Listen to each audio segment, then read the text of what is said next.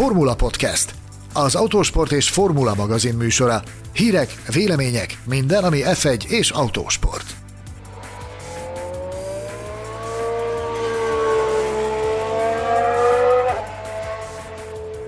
Ki lesz a legsikeresebb versenyző a jelenlegi mezőnyből ebben az évtizedben? Melyik három versenypályának kellene mindenképpen visszatérnie a Forma 1-be?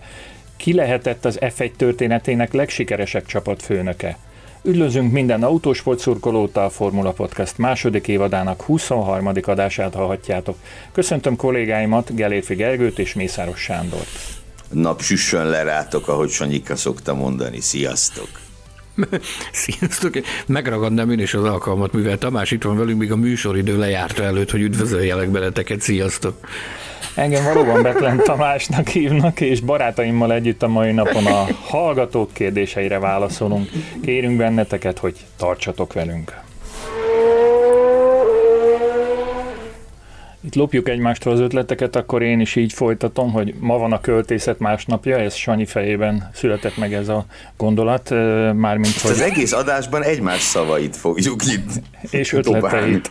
Így van. És ennek kapcsán már most bejelentem, hogy a műsor végén, a műsoridő végén fog következni egy olyan meglepetés, ami mindenképpen nagyon szépen fog kapcsolódni az április 11-i és a 12-i dátumhoz is. De ez csak mintegy másfél óra múlva fog megtörténni, addig is egész más dolgokról beszélünk. Gergőt szeretném felkérni, hogy ismertesse, hogy mi is ennek az adásnak a története, és milyen szabályoknak igyekeztünk megfelelni, hogy, hogy élvezetes maradjon ez a diskurzus. Ha jól tévedek, akkor negyedik alkalommal hirdettük meg azt az akciót, hogy hallgatói, követői kérdésekre válaszolunk majd egy adásban. Múlt hét végén, talán egy pénteki napon buzdítottam arra a Formula Podcast Facebook csoport tagjait, hogy kérdezzenek tőlünk. Érkezett pusztítóan sok kérdés, amelyeket erősen meg kellett szelektálni, mert különben tényleg négyes fél óra lett volna az adásidő, azt pedig nem akartuk. Alapvetően azt az elvet követtem, hogy bár voltak, akik nagyon sokat kérdeztek, hogy egy embertől legfőjebb kettő kérdés ö, kerüljön ö, be, valamint azt is elmondanám, hogy vannak kérdések, például kiemelnék kettőt, egyik a Formula E-vel, a másik pedig az Extreme E-vel, vagy Extreme E-vel kapcsolatos kérdés, amelyeket azért hagytunk ki, mert korábbi adásainkban már beszéltünk róluk. Elsősorban most itt olyan kérdésekre fókuszáltunk, amelyek, amely témákról még még nem esett szó, vagy amiről tudunk újat mondani esetleg azóta, hogy utoljára beszéltünk róla. Szóval, akinek a kérdése nem került be, azoktól, azoktól elnézést kérünk, valószínűleg néhányat még a kommentek között majd megválaszolgatunk ezek közül is, ahogy azt már el is kezdtem a hétvégén. Akkor csapjunk bele. Az első etapban villámkérdések következnek, és villámválaszokat követelnek tőlünk ezekre a hallgatók. Én szerintem próbáljuk azt a sorrendet minden alkalommal alkalmazni, hogy mondjuk Gergő, aztán Sanyi, aztán én vágjuk ne. rá. Ne? Ne? Ne, nem, nem, egyet? nem, nem akarok mindig Sanyi előtt lenni. Ez méltatlan. Ez méltatlan lenne. Jó, de meg hát akkor ugye már úgy tud válaszolni, hogy a te, a hát ellopja értéke. a szavaimat. Igen, igen, igen, igen, és a tapasztalat. Szokásom amúgy. Jó, akkor szögezzük Sanyinak az első kérdést. Kis Attila szeretné tudni, hogy hogy vagytok, Tóth Benedek család pedig, hogy miért pont úgy? Köszönöm szépen. Ennyi, ez lenne rá válaszom. Most már jól vagyok, az kell mondjam, jó, ezt ilyen kis könnyed felvezetőként raktam be. Most már jól, az oltakozás mellékhatásai 48 órára kivettek a forgalomból, de most már tombol bennem a, az erő és a szeretet. Hú, én, én meg kifejezetten nagyon jól vagyok, de ezt persze ezt csak hosszan tudom elmondani. Egyrészt... Pálmafás pólóban vagy most Pálmafás nézem. pólóban vagyok, igen, nem. Vagy igen. De nagyon jól lehet. Hallod, én azt mondtam neki, hogy ez, ez nátfedeles. Nekem, nekem nátfedeles benyomást keltett ez kék a póló. pálmafás pólóban. Szóval, hogy a hétvégén hát beindul a, a hazai motorsport élet is, amit én már nagyon-nagyon vártam. Ez alkalomból egyébként elzarándokoltam Imolába, hogy Sanyit megelőzzem, na nem abba, amelyikbe ő igyekszik, hanem, hanem itt a Borsod megyeibe, mert hogy itt a környéken rally bajnokság futamot fognak rendezni, illetve hát a Hungaroringen is bőgni fognak a motorok a autós gyorsasági bajnokság futamaira kerül majd sor, és ha jól emlékszem, ebben nem vagyok biztos, a gokart bajnokság is elindul Kecskeméten. Úgy, Mennyire jó ez? Mennyire lesz, jó? Lesz most látni való bőven. Hogyha valaki el akarja rontani a kedvemet, akkor viszont arról kérdezzen, hogy mit játszott a Diós Győr a hétvégén. Kis Ábel kérdésével folytatjuk. Kis Ábel azt szeretné tudni, hogy melyik volt szerintetek a legjobb Form 1 szezon a 21. században, te úristen? Nekem erre határozott válaszom van. Volt néhány iszonyat jó szezon, 2003 vagy 2006 az Alonso Schumacher csata, 2009 azzal az őrült káosszal, de de nekem 2012 a, a szezon. Nagy kár, hogy nem úgy végződött, ahogy kellett volna, Fernando Alonso világbajnoki címével, ugye? De így is, fantasztikus, fantasztikus szezon volt. Csak is egyetérteni tudok veled, lopom a gondolataidat. mondtam, mondtam. nagyon, sok, nagyon sok jó szezonunk volt ebben a ebben, a, ebben az évszázadban, de a 2012 szerintem az, az, az kiemelkedik. Tehát azok, azok a, ahogy, ahogy indult az egész, ugye nagyon komoly fordulatok voltak itt. Az első hét futamon hét különböző versenyző nyert. Sőt, ugye az első öt futamon öt csapat. Ez is milyen igen, már. Igen, igen, igen. Őrület. Volt egy őrületes szezonzáró abban az évben. Volt meglepetés a, a Maldonado féle barcelonai győzelem. Tehát én azt gondolom, hogy ez, ez kiemelkedik a felhozatalból, de én még azért ide sorolnám a, a 2016-os szezont is, ami ahogy haladunk előre az időben, úgy tűnik egy egyre inkább történelminek. És felértékelődik. Bizony, bizony, bizony. Abban az évben győzte le Nico Rosberg Lewis Hamilton-t. számot... És még bocs, 2007-8-at se hagyjuk ki, mert azok is. Hát ahogy szépen megyünk, majdnem mindent ki tudjuk emelni valamilyen, valamilyen okból kifolyólag, de, de a 2012-es az biztosan kiemelkedik, és mondom, nekem még a 2016-os az, amit, amit ide szeretnék sorolni. 2007-8, mm, hát nem tudnék én se választani, de én, én azt szerint ö, voksolok, hogy az utolsó futamra milyen izgalmak maradtak, úgyhogy nagyon nagy öröm lenne, hogyha a következő szezonok valamelyikében, vagy akár az idejében is a körmünket tudnánk rágni, akár a, a legutolsó versenyen is. Ugorjunk Hegedűs Csaba kérdésére, hoppá, Betlen Tamástól Hoppá. kérdezem, mi a véleménye a fizetési plafonról? Mi is ezt, ezt csatlakozunk Hegedűs Csabához. Vagy legalább a fizetésről. csatlakozunk Hegedűs Csabához. Tedd fel a kezed, te is, Gergő, ne, ne sunnyogj. Oké, okay, ennyi, köszönöm. Hát ez, ez nem újdonság. A kiadónál a fizetési plafon fogalma már, már nagyon, gyakorlatilag 20 évvel ezelőtt bevezettem, és, és sikerült is tartani, és hogyha ezt a példát veszi alapul a Forma 1, amit én itt megvalósítottam, akkor azt kell mondjam, hogy sikeresen, sikeresen működik. A, a, a fenntarthatóság jegyében. A fenntarthatóság jegyében, igaz, hogy néhány kolléga elhullott közben, de hát ugye, hogy is van ez Gergő, a híres közben? Bocsánat, nem elhullottak, elmenekültek. Maradjunk, maradjunk egyben. Röviden, röviden ennyit tudok mondani. Burker Rudolf kérdésére lehetne ugranunk, aki azt szeretné tudni, hogy van-e kedvenc autósportos játékfilmetek, tehát nem dokumentumfilm, hanem játékfilm. Szép. Szép kérdés. Te vagy a nagy filmajánló, Tamás, úgyhogy légy rukkolj elő valamivel. E- én a, De most én is ajánlani fogok, mondom neked, hogy most, most én is előrúkolok a magam Én meg majd vallomást teszek, na de kezdjük Tamással. Most az utóbbi időben ugye nyilván a, a Le Mans film meg a, meg a Lauda film volt, ami, ami nagyon nagy sikerrel futott. Az egyiket, egyiknek a premierjét még Mészáros Sándor kollégával együtt tekinthettük meg, ugye? A, hol is? Valamelyik budapesti, nagy budapesti premier előtti vetítés volt, és, és meghívtak bennünket a Lauda filmre, és utána még, na most már megint fociról beszélek, valamelyik meccsre is mentünk, nem tudom, hogy emlékszem. Valamilyen válogatott meccsen válogatott voltunk meccsen utána. Összekötöttük az élményt. Fú, jó, akkoriban nem volt olyan jól válogatott, mint manapság. De a Guzmics, a Guzmics utáni, tehát a Jaj. emlékezetes Guzmics történések utáni mérkőzésen azt hiszem Lettországot megvertük három egyre vagy három Tényleg, valami, mintha lett meccs lett volna, igen. És mindenki Guzmics pólóba volt, egy kettes rajtszámú guzmi és pólóval szurkolt a, a közönség nagy része. Jó, de ettől eltekintve nekem most, a, ami legélénkebben él a, az emlékeimben, az a már kitárgyalt és emlegetett szilveszteri film, amit csak két részben tudtam megnézni.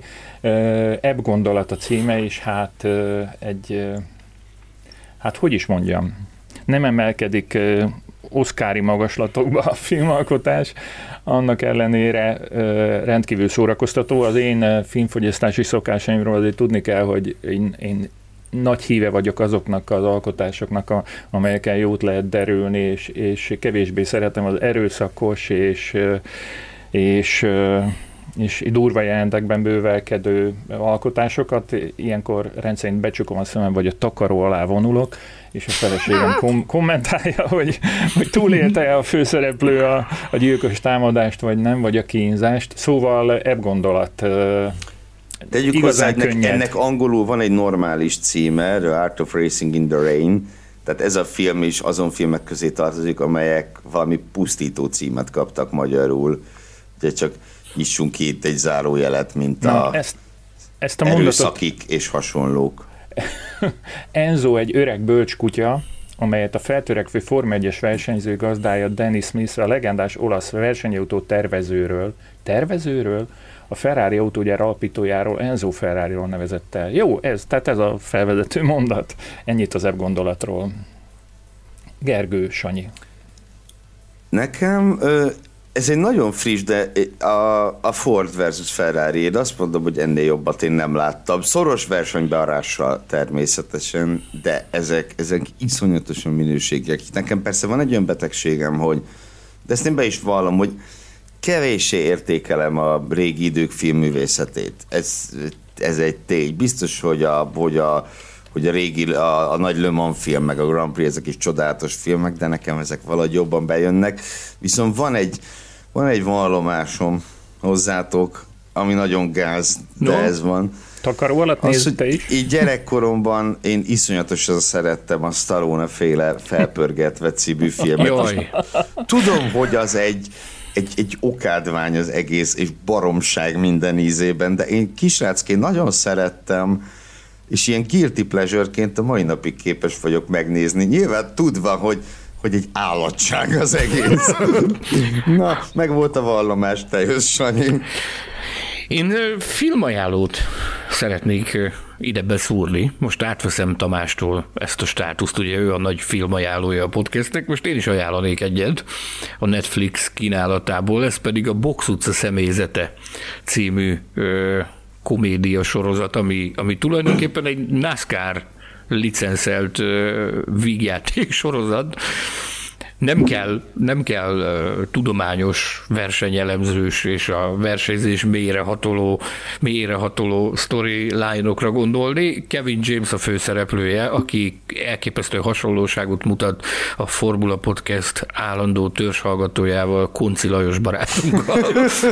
Konci Lajos a, a magyar Kevin James, vagy, vagy Kevin James az amerikai Konci Lajos. Szóval egy nagyon humoros és nagyon szellemes cucc, cucc, ami gyakorlatilag egy, egy NASCAR csapatnak a, a hétköznapjait mutatja be, hogy ott, ott mi zajlik a színfalak mögött. Tehát mondom, a, írgalom nincs, olyan poénok vannak benne. Egy néhány versenyjelenet is van benne, nyilvánvalóan összevagdosva mindenféle versenyekbe, de ezt a NASCAR licenszelte, ugyanis ők arra gondoltak, hogy ebben a formában is lehetne népszerűsíteni a sorozatot. Nagyon érdekes szembeállítva a Drive to Survival, ugyan, ugye egy komolyabb hangvételű történet, ők, ők erre voksoltak, hogy egy ilyen, egy ilyen komédia sorozatba csomagolva próbálják meg népszerűsíteni a saját sorozatukat. Nem tudom, tíz részből áll az első évad, de én nagyon jókat kacagtam rajta, úgyhogy javaslom mindenkinek. A Stallone film ez annyit, hogy 98-ban nekem volt szerencsém távolról látni Sylvester Stallone-t a, a Hungaroringen, ugye akkoriban körbejárt a, a versenyhelyszíneket, és majd mindjárt Igen, annyi akkor még F1-es filmet akar csinálni. Te Igen. tudod a választ, Sanyi, hogy miért nem lett végül is F1-es film? Volt erről valami uh, plegyka? Hát ott mindenféle, ha nem tévedek, joggal, jogdíjjal kapcsolatos problémák is fölmerültek, meg, meg úgy érezte, hogy ez túlságosan komplex lenne, ha, de ez csak nem vagyok, nem vagyok most száz százalékig biztos, de, de nekem ilyen dolgok rémlenek abból az időszakból. De azért azon a filmen érződik erősen az F1 hatása, tehát a, az uralkodó német versenyző kontra, kontra fiatal szőke Hát azért ez valahol Meg, ismerős nekem. Talán, talán ami olyan, olyan probléma is volt ebből, hogy ami forgatókönyv született, azt a Forma egy oldaláról nem tartották kellőképpen komolynak, tehát teljes joggal. Tehát, igen, igen. Állatság az arra egész. Az, arra az olasz filmre, arra emlékeztek? A, a, a Forma egy című alkotásra, ami a 80-as években ö, nagyon nagy sikerrel futott? Az megvan uh-huh. valakinek? Nincs. Nincs? Az meg hogy lehet gyerekeket? Hát Gergő, az... Gergő születési dátumából kifolyólag lehet. Nem? Hú, mi, mi volt Mikor annak a címe? Gergő, bocsánat, hogy nem tudom fejből. 87-ben. hát akkor lehet, Május hogy... 27, ha küldenél valamit a szülinapomra. Oh. Egy oh. olasz filmsorozat volt, ami, ami gyakorlatilag egy Form 1 pilótának és Form 1 csapatnak a, az életét mutatta be. A Benettonba voltak ők burkolva, a 80-as évek Benettonját, meg rendes versenyjelenetek is voltak benne, tehát meg szerepeltek benne versenyzők is. Stuart, Allen Prost feltűntek egy-egy jelenet, egy-egy cameo erejéig, hogyha ha emlékeim nem csalnak. Akkoriban nagyon nagy, nagyon nagy sikerrel futott az a sorozat. De leszögezhetjük, hogy ezt nem ajánlod. Nem tudom, hogy hol lehet elcsípni. Talán már szerintem televízióban nem ismétlik már, mert túlságosan régi, de, de szerintem lehet, hogy a neten föl lehető még egy néhány epizód ebből a Sinclair istáló, hogyha nem tévedek, a Sinclair, Sinclair istáló volt, a Benetton volt átkeresztelve erre, és ott ez egy családi üzemeltetésű istáló volt, ahol a papa volt a, a, a csapatfőnök, a fia volt a, az egyik pilóta, ismerős valakinek a szitu. Hmm. jelenlegi, jelenlegi Forma 1 akinek volt egy rutinos csapattársa, és a, a gyerek bukott, beütötte a fejét, utána már nem tudott olyan ö, teljesítmény nyújtani, a háttérből azt mutatták, hogy ott milyen kötélhúzások, meg, meg milyen üzleti dolgok mentek ott, úgyhogy érdekes film volt, kétségkívül abban az időszakban még ütötte a mércét.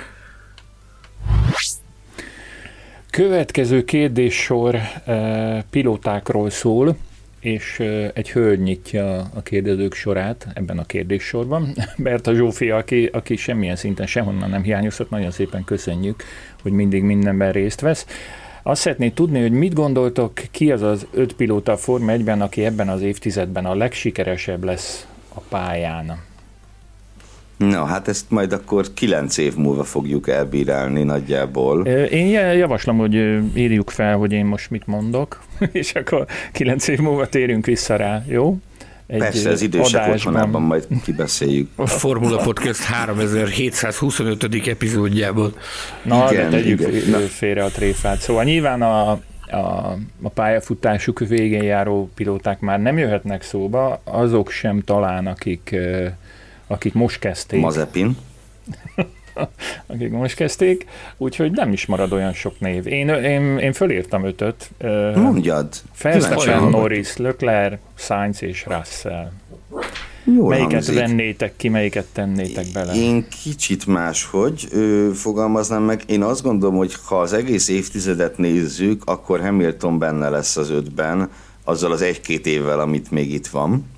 Oké, okay. Verstappen... az én részemről is ez, ez, ez az első, tehát itt egyezés mutatkozik. Verstappen mindenképp nem lehet kérdés. Úgy szintén egyezés mutatkozik az én részemről is. Ö, akkor ha George Russell minden jel arra mutat, hogy ő lesz Hamilton utódja Mercedesnél, és ez őt predestinálja erre a erre. Pipa az én részemről is. Pipa? Na, marad Igen. kettő. Fia, engedd már át neki, mert megyük talán a vakon.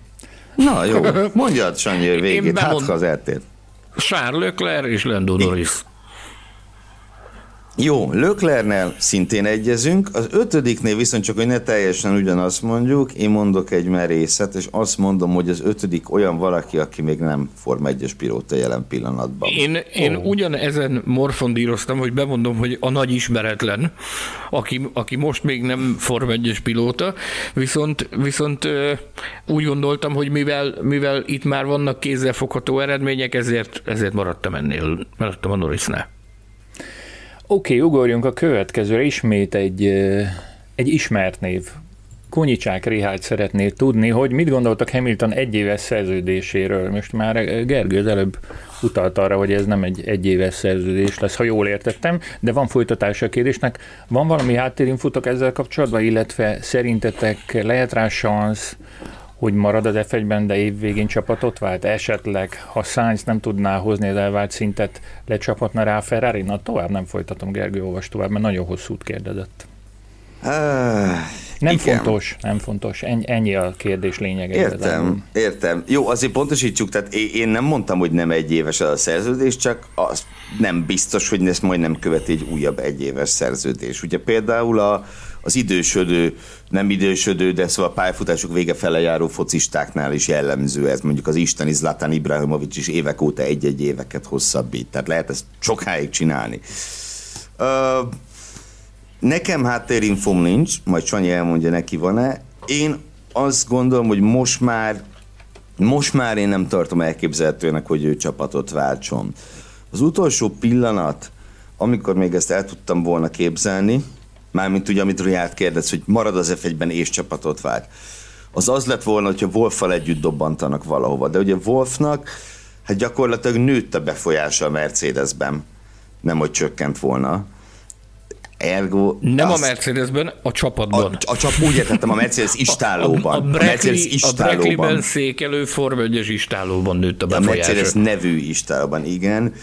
Tehát Wolf nyilván nem fog menni innen sehova és, és én azt hiszem, hogy Hamilton sem. Én arra hajlok, erre is tippeltem, ugye a nagy Formula, Formula Podcast Jósdában, hogy ő, hogy ő be fogja fejezni most már, és, és azt gondolom, hogy a nyolcadik világbajnoki címmel a zsebében fogja ezt befejezni, azzal, hogy ő minden rekordot átírt, és, és irány Hollywood.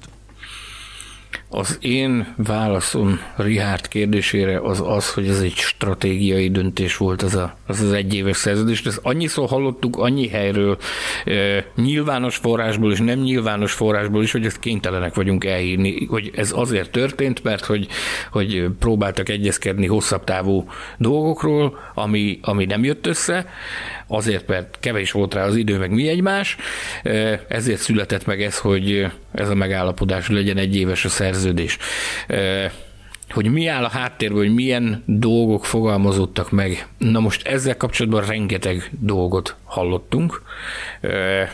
Ezek egy részéről már ejtettünk is szót korábban a, a Formula Podcastben, a többiről arról, arról nem akarunk beszélni, mint a Formula Podcastben. Maradjunk annyiban, hogy Hamilton szereti egy kicsit jobban kihasználni a saját ismertségét, szereti egy kicsit a saját törekvéseibe jobban beleintegrálni a Mercedes-t, mint, mint brandet. Ezért ez egy nyilvánvalóan fajsúlyosabb döntés. Tehát itt már csak nem, a, már nem csupán arról van szó, hogy hány szponzori nap mekkora fizetés, meg, meg ilyenek, hanem, hanem itt már azért ez már olyan szintűek az ő kérései, meg kívánságai, dolgai, ami állítólag már a vállalati policit is érinteni, na de ezért nem akarunk ebbe belemenni. Az, hogy van-e rá szansz, hogy maradjon a, a Forma 1-ben? Én ezt korábban is megfogalmaztam, hogy én akkor is látok esélyt arra, hogy marad a Forma 1-ben, hogyha megszerzi idén a, a nyolcadik világbajnoki címet. Az én meglátásom az, hogy hogy nagyon-nagyon sok múlik neki a Form 1 szerepvállaláson, az aktív Form 1 szerepvállaláson, és hogyha tényleg szeretne nagy, nagyon-nagyon nagy dolgokat véghez vinni a pályafutása után is, akkor ahhoz neki szüksége van arra, hogy minél tovább ebben a vérkeringésben benne maradjon. Az, hogy ez mennyi idő, amíg ő még itt maradna, erre, erre, erre szerintem még ő maga sem tudja a választ. Egy nagyszerű grafikát, infografikát láthattatok a napokban a Formula.hu-n a jellegi mezőny a pilóták korait korát tudjátok róla leolvasni, hogy ki hány esztendős, na így már remélem érthető, hogy kicsit megkavarodtam.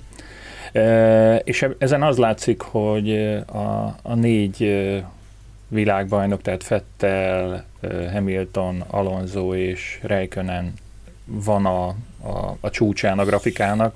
Ugye Fettel 33 éves, Hamilton 36, és ide akarok kiukadni, hogy ugyan létezik ö, egy 39 éves Alonso, meg egy 41 éves Räikkönen is a mezőnyben, de azért ö, ez azt mondja nekem, hogy csak nagyon-nagyon különleges és rendkívüli esetben jutnak el ilyen korban már a, a, a pilóták oda, hogy, hogy egy újabb és egy újabb szezont vállaljanak és aláírjanak. Ezzel, ezzel kapcsolatban mi a véleményetek? Én hadd kérdezzelek benneteket. Tehát az, hogy 36 Szerintem... éves, e- ezzel is számolni kell azért, nem? Nem sok. Az nem sok. Tehát az, hogy ő ezzel már a harmadik legidősebb, meg Fettel, azt egyébként, hogy Fettel 33 évével a negyedik legidősebb, erre majdnem azt mondom, hogy ez nem normális dolog. De semmiképp sem egy szokványos dolog. Tehát itt szerintem inkább a, a kivételesen erős ö, fiatal generáció miatt van ez, hogy nagy tempóba szorítják ki úgymond az öregeket az F1-ből, de tehát a 33 éves, hát az, az még a virágkora lehet egy Form 1-es pilótának, nem feltétlen fettelnek, de ezt majd a következő kérdésbe beszéljük meg. Te honnan tudod, hogy mi a következő kérdés? Egyébként... Mert én válogattam őket. Ha emlékszem. Egyébként micsoda véletlen, hogy pont Fettelről kérdez, orosz Anett nevű hallgatónk. Mi lesz évvégén Fettellel? Lehetne lerövidíteni a kérdést. Most ugye kikapott Strolltól, de ez csak egy futam volt, mennyivel kellene verni ezt Strollt, hogy sikeres évnek lehessen tartani a részéről 2021-et, illetve Apolcer Norbert is erről érdeklődik. Szerintetek Fettel marad-e az Aston Martinnál akkor is, ha rosszul teljesít, illetve egyáltalán meddig marad a Forma 1-ben? Jó, én most kiragadok a sok kérdésből egyet, és akkor hagyok Sanyinak is. Azt mondja, marad el Fettel az Aston Martinnál, ha rosszul teljesít. Én azt gondolom, hogy ahhoz, hogy mondjuk az Aston Martin elküldje, ahhoz iszonyatosan kellene teljesíteni. Tehát nem tudom, nulla ponttal zárni a szezont, vagy ilyesmi. Mert ugye a márka nagyköveti szerződésből, meg mindenfélékből láthattuk azt, hogy az ő szerződtetése nem kizárólag a versenyzői kvalitásainak szól. Mert akkor, tétek komolyan, tehát tegyük a szívünkre a kezünket, akkor nem küldték volna el Perezt. Hogyha itt arról lett volna szó, hogy versenyzői kvalitások. Fettel, mint személy, mint világbajnok, mint sztár, értékes az Aston Martinnak, és szerintem tehát a vállalhatatlan szintű teljesítményre lenne szükség ahhoz, hogy őt, hogy őt elküldjék. Hogy meddig marad az F1-ben, az egy másik kérdés. Tehát én azt gondolom, hogy két-három év több mm, ilyen kínlódás, vagy akár két év ilyen kínlódás után ő maga fogja azt mondani, hogy ebből elég volt. Aztán, no, hogy van-e még felvirágzás, hát ne, ne, egy futam után ne ítélkezzünk, ahogy Anett is írta, de hát ez egy futam, ez megint vállalhatatlan volt, ahogy azt az értékelőben megbeszéltük. Sanyikám, mit ja, A kérdésnek a másik része az, hogy mennyivel kellene verni ezt trollt ahhoz, hogy sikeresnek lehessen nevezni ezt, a, ezt az évet. Én amondó vagyok, hogy azután, amit a Ferrari-nál láttunk tőle, mondjuk specifikusan tavaly, a korábbi éveket azt, azt a 2018-as Hockenheimtől kezdve most azt ne hány torgassuk fel, csak a tavalyi évet nézzük, tehát reputáció helyreállításnak én szerintem bucira kellene venni a Strollt ahhoz, hogy, hogy azt lehessen mondani, hogy ez egy sikeres év volt. Én szerintem nagyon-nagyon-nagyon meg kellene verni a strollt, és nekem a problémám ezzel kapcsolatban az, hogy igaz, hogy még csak egy futamon vagyunk túl, és én magam is amondó vagyok, hogy egyetlen futamból ne vonjunk le következtetéseket, de én valahogy ezt nem látom jönni hogy, hogy ez a bucira verés ez, ez megtörténne 2021-ben. Én szerintem az lenne a, a minimális elvárás, hogy akkor, akkor egy, egy fiatalabb generáció, és ugye ezt mindig felhánytorgatják neki, hogy egy, egy, egy nála fiatalabb versenyzővel egyszerűen képtelen tartani a lépést. Ez történt a Ricardoval a Red Bullnál, ez történt Löklerrel a Ferrari-nál, és most itt van mellette a Stroll. Tehát ha valamikor, akkor itt az alkalom, hogy tessék elverni, a, a fiatalt, azzal helyreállíthatja a reputációját, helyre teheti a saját megítélését. Mint mondtam, én nem vagyok abban száz százalékig biztos, hogy ez, ez be fog következni, ha pedig ez nem következik be, az pedig csak is azt jelenti, hogy, hogy Fettel számára küszködős lesz az idei év is, a következő év is, ugye ha emlékeim nem csalnak, két, két évre írt alá az Aston Martinhoz. Én megmondom őszintén, hogy arra, arra a, kérd, a kérdés arra vonatkozó részére a válaszom pedig, hogy meddig marad, én max 2022 végéig tudom elképzelni, hogy ő, ő Form 1 pilóta marad. Szerintem nem, az a, nem azért szerződtették, és nem az elsődleges szempont, hogy a Renault-ját helyre hozza. De ez az ő szempontjából egy nagyon fontos érv, hogy, hogy, hogy, hogy bucira a fiatalt ahhoz, hogy a saját megítélését, meg a saját reputációját helyreállítsa. Nem Tehát úgy is nézd, nézd ezt, Tamás, hogy ne, az Aston nem ezért szerződtette, de Fettel ezért írt alá. Igen. Elismerem, elismerem, de a sokat emlegetett és ostorozott Netflix szériában is elhangzik egyértelműen a, mind a két jelentős csapatvezető részéről az Aston Martin csapat álláspontja, hogy, hogy azért szerződtették az istálóhoz, hogy, hogy Stroll egy világbajnoktól tudjon tanulni. Szerintem ez is benne van a dologban. Tudom, hogy egy, egy pilótának, igen, egy pilótának soha nem elég nyilván négy világbajnoki cím, és nem, nem, a mezőnyben nincs olyan, sőt még az alacsonyabb osztályokban se, aki megelégszik bármivel is, amit eddig elért, és nem akar még többet, de, de én szerintem számoljunk ezzel is. És, és egyidejűleg ugorjunk a következő kérdéscsoportra. Itt a szabályokról és a technikáról lesz majd szó. Városi Mártoné az első kérdés. Az érdekelne, hogy miért érdekel az FIA-nak az F1 lassulása, illetve az autók gyengítése, folyamatos túlszabályzása, miért jó a rövid tesztidőszak, a ritka és kevés fejlesztési lehetősége? Én mondok egy, egy dolgot, bocsánat, és akkor majd megcáfoltok, hogy hogy lehetek ilyen kótyagos, hogy a utolsó részre a rövid tesztidőszak és a kevés fejlesztési lehetőség nyilván a, a, az én értékesem szerint az esélyegyelőséget célozza javítani, nem tudom, hogy ezzel tévedek-e. Szerintem igen. De részben. Részben. Részben igazad van, akkor így mondom. Ugye azt tegyük hozzá, hogy e, e kérdés kapcsán kibontakozott egy elég nagy vita a, Formula Podcast Facebook csoportban. Azért is válogattam, hogy mi is szólaljunk meg, ha már itt, itt, itt erről, erről, erről ilyen, ilyen purpárlé keveredett. Tehát ugye nem, a költségcsökkentés. Tehát ugye az a helyzet, hogy persze van ez a van ez az, az étosza a Forma 1 hogy, a, hogy az autósportok csúcsa, az is és hogy technikailag a csúcs. Nagyjából szerintem ez is megállja a helyét. De, de nem lehet ész nélkül mindent csinálni. Tehát a, miért nem lehet szabadon tesztelni, fejleszteni, stb. Azért már akkor nem tíz csapat lenne, hanem négy, vagy öt. A többi nem bírná Bocsánat, hogy a szabadba vágok. És ezt talán úgy lehetne a, a legjobban megfogalmazni, hogy ennek a, ennek a, a, a mikrokörnyezetnek, amit Forma 1 nevezünk, ennek van egy gazdasági egyensúlya.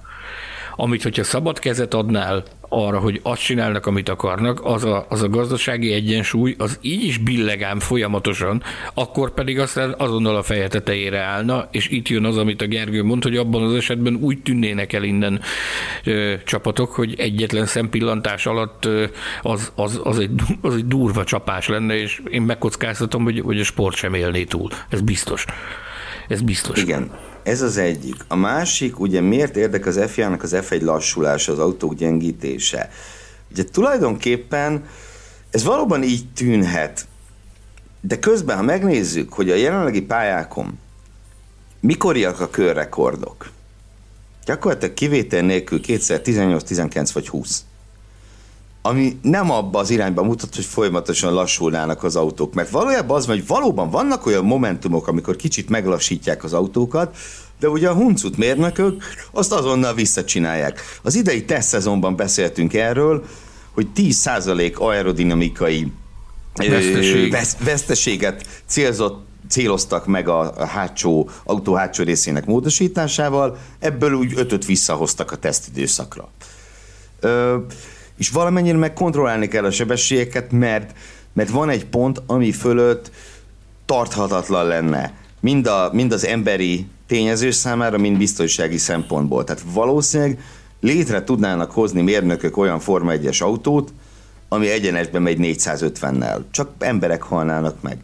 Mert, mert nyilván van az a pont, ami fölött a, az emberi reflex képtelen ezt kezelni, illetve a biztonsági berendezések, legyen az Tech Pro, Safer, akármi, már nem tud mit csinálni vele. Tehát tulajdonképpen egyszer kontroll alatt tartják a sebességeket, és így üdölnek meg fele a körrekordok szépen. Sportigazgatónk Móni István is ezen az állásponton van, és másoktól is hallottam az évek során ilyen véleményeket, hogy tulajdonképpen van, van egy bizonyos szint, ami felett már, már ezek a pályák sem lennének alkalmasak arra, hogy, hogy azon, azon Form 1 autók versenyezzenek a különböző terhelések, meg, meg erőhatások, meg minden egyéb más miatt.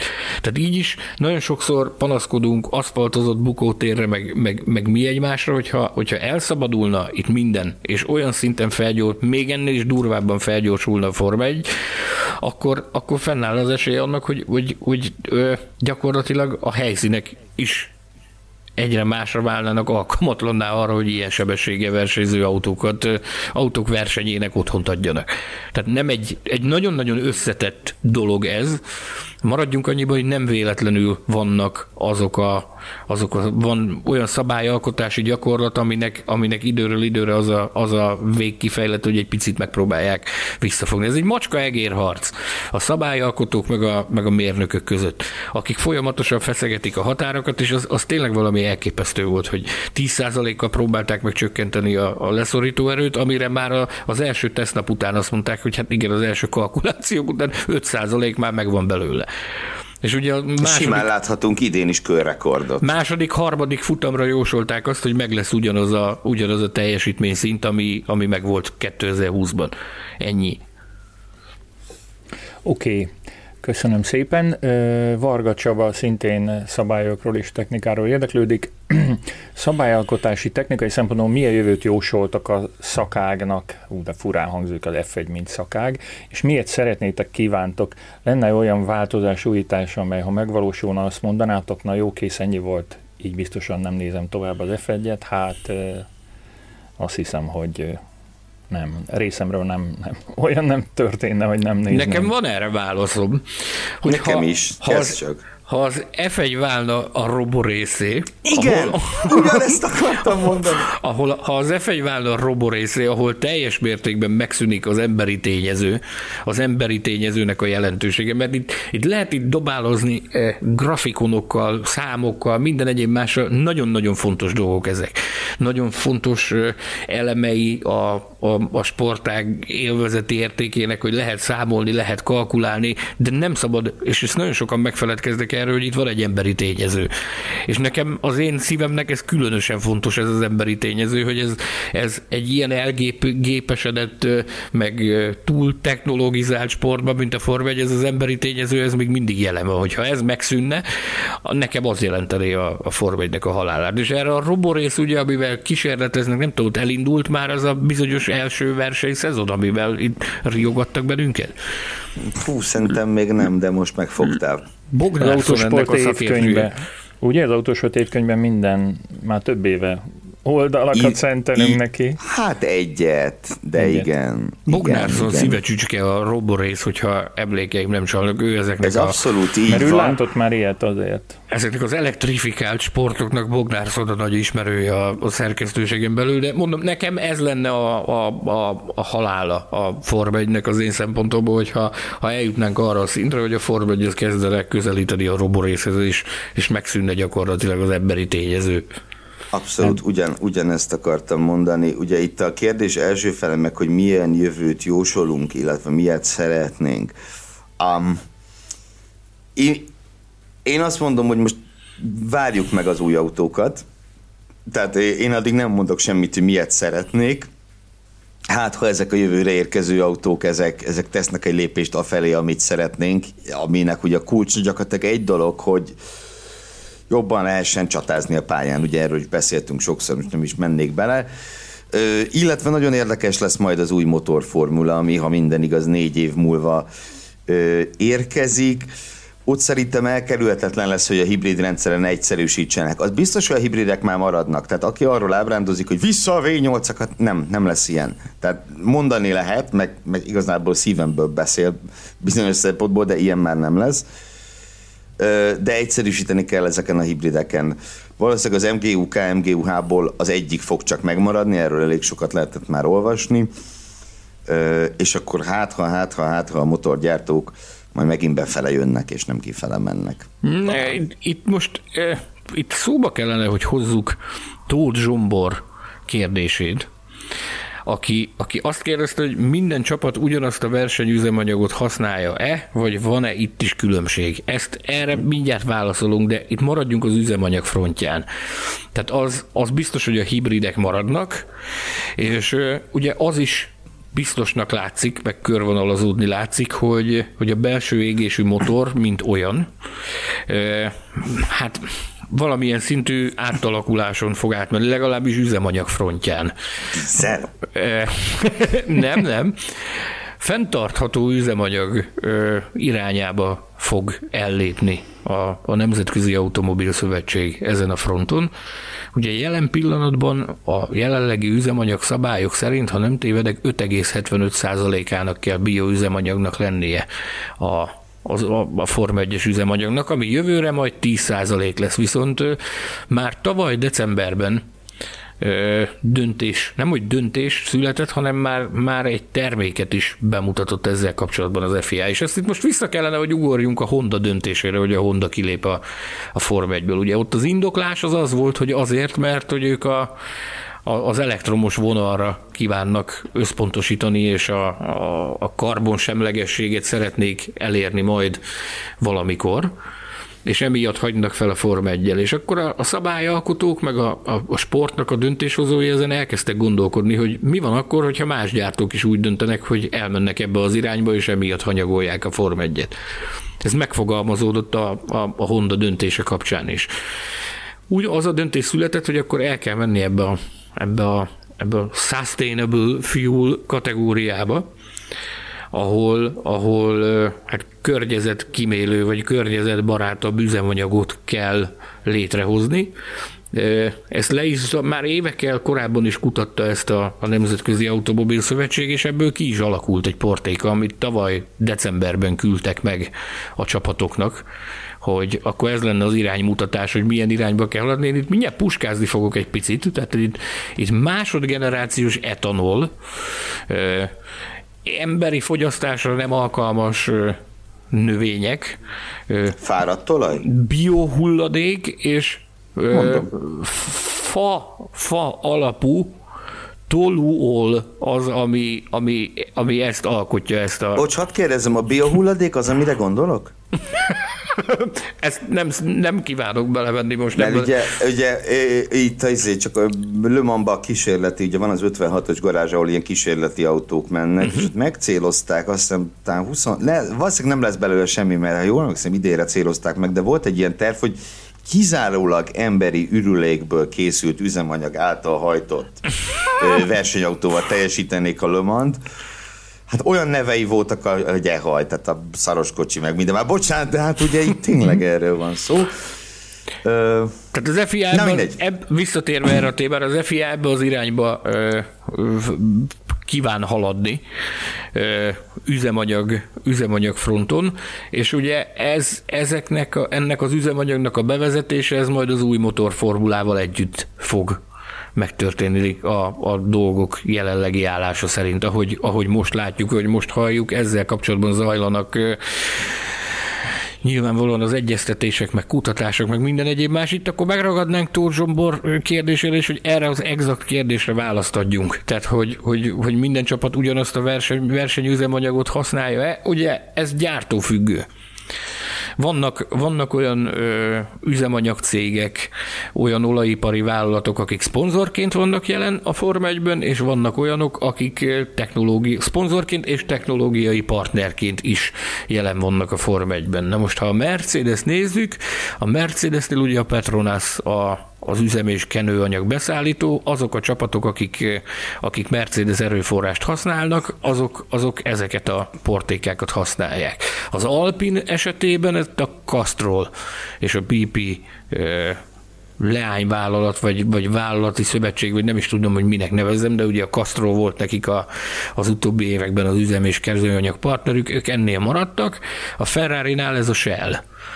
Az, itt, itt kalkulálunk a, a házszal és a, az Alfa Romeo-val, ugye az Alfának van egy, egy lengyel ö, olajipari partnere, ettől függetlenül az Alfában Shell üzemanyag és Shell kenőanyagot használnak. Ez ugyanígy, Tehát ugye itt válik szét a sponzor, a sponsor a és a, te- a technológiai partner, nevezzük, nevezzük szép technológiai partnernek. A, ami még egy, egy hasonló modellt valósít meg, az a McLaren és a Golf, ahol a Golf az, az, az a tudomásunk szerint szponzorként van jelen, és mivel hogy ők is Mercedes ügyfelek, ők is Petronas üzemanyagot és Petronas kenőanyagot használnak.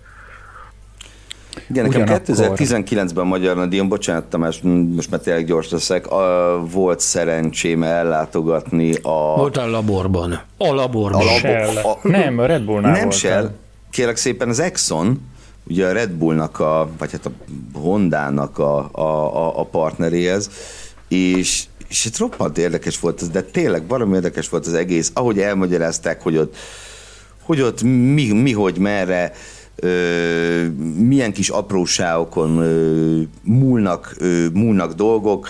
Külön érdekes volt, rákérdeztem a sráctól, egy tündérpofával beszélgette volt, hogy és mi történne, mondom, hogyha mondjuk az utcai autóból a benzint betakolnák a Forma 1-esbe? Hát azt mondja, éppen a garázsból azért ki tudna jönni, és mondom, akkor nézzük fordítva, az utcai autóba beletesszük a Forma 1-es üzemanyagot. Hát azt mondja, hogy hát pár kilométer múlva tönkre megy, de addig nagyon menne. Pedig ugye a policy az az, hogy a mondás az az, hogy 99%-ban ugyanaz a, az alkotó eleme. Jó, figyelj, a te DNS-ed meg a banáné is 99%-ig ugyanaz. Köszönöm, és köszönöm szépen. Mégis van egy kis különbség. Tehát, hogy az az egy, az az egy százalék, az, ami viszont borzalmasan sokat számít. Én jártam ezekben a, a laborokban, jártam a Petronaszéban, jártam a Selében, ezekben a pályalaborokban, ahol mindig minden egyes alkalommal hihetetlen érdekességeket lehet hallani, viszont képzeld el, hogy nekem, azt már nem tudom megmondani, hogy melyik év volt, de ilyen, én 2011-12 környékén a, a, a Shell-nek a, a hamburgi ilyen, ilyen kutató laboratóriumában is alkalmam nyílt járni, ott, ahol a Form 1 üzemanyagot fejleszti uh-huh. a Shell. Ez kifejezetten egy ilyen, egy ilyen Form 1 vonatkozású túra volt. Ott aztán megnézhettünk a világon minden tényleg, hogy hogy készül az üzemanyag, tehát hogy, hogy tesztpadon mennyit használnak, meg, meg hogy tesztelik, mint tesztelik, hogy keverik, sőt a, a programnak a csúcspontja az az volt, hogy sorsolnunk kellett aznak a társaság, a társaság sorsolt egyet, hogy melyik pálya legyen az, ami, ami, amelyikre üzemanyagot kellett kevernünk. És mi magunk ott a pipettával kalkuláltunk meg, meg atya úristen, és a végén berakták a szimulátorba, aztán kiderült, hogy jó nagy ökörséget csináltunk, mert, mert marhára nem abba az irányba kellett volna elindulni a, az üzemanyaggal, de ott ezt, ott ezt, ezt lefuttatták, ezt a sztorit, szóval mindenképpen. És még egy, még egy még egy kérdés. Meg tudod-e mondani nekem, hogy mennyi üzemanyagot használ a Form 1-es világbajnoki sorozat egy évben? Összesen. Gyorsan kéne fejszámolnom, úgyhogy nem mondom. Tamás, tipp? Képzétek el, hogy ezt, én, én azt hallottam, hogy egy versenyszezon alatt egy millió liter üzemanyagot zabál be a, a Forma 1, ebben benne van a, a versenyzés, benne vannak a tesztek, és benne van az az üzemanyag mennyiség is, amit a motorok fejlesztése meg, meg a beállítások közben a, a, a tesztpadon elhasználnak. Tehát ez egy, ez egy döbbenetes mennyiség, ez, ez egy millió liter, nem? Mondjuk, ha ez így van, akkor a, a versenyen használt az ennek csak egy apró töredéke, mert az, az korán sincs, közel sincs ennyi, nagyságrendi különbség van, de lehet. Tehát ez, ja, az, ami miatt, ez az, ami miatt, ami miatt ez egy másik olyan dolog, ami miatt szintén égetően fontosnak érzik azt, hogy környezetbarátabb üzemanyaggal operáljon a Form 1, mint a Fettel, aki ugye, mint hallottuk a sztorit, Bakreinben, amikor látta, hogy, hogy gyakorolnak az áthúzásra a, a légitársaságnak a pilótái, akkor oda ment Stefano Domenicalihoz, és panaszt tett, hogy, hogy ennek, ennek mi értelme van, ez környezetszennyező, és ott hirtelen valami kommunikáció történt a légitársaság és Stefano Domenicali között, és a légitársaság vállalta, hogy jó, akkor a, a, a folytatásban ezeket a, az áthúzásnak a, a tesztjeit, azt bioüzemanyaggal fogják bonyolítani. És minden, jó, de Fettel most már nagyon volt. zöld, ugye? Igen, igen. Még annyit, hogy ö, több mint 20 éve találták ki az, az egységes üzemanyagot, legalábbis azt a 99%-ban. Persze ez a szám nincsen leírva, hogy 99, amit Sanyi említett. És ezt szakemberek hogy, szokták mondani ezt hogy alapvetően a, a 95-ös, a benzinkúton is kapható 95-ös üzemanyagot kell etalonnak tekinteni, de mint, ahogy már ezt az elmúlt 10 percben végigbeszéltük, ez a Forma egy úgy, hogy itt az etalon az... Itt dízellel járok, szóval én majd Le megyek tankolni. Oké. okay. Szabó András hallgatónktól érkezett egy meglehetősen érdekes kérdés. Sokan gondolják, hogy a költségsapka bevezetésével a könyvelők bajnokságát is láthatjuk majd. Elképzelhetőnek tartjátok-e bizonyos f részegységek kiszervezését olyan országokban, ahol alacsonyabb költséggel tudnak fabrikálni, így például Magyarországra jöhet-e valamilyen Forma 1-es gyárüzemcsapat? Kérdezi ő.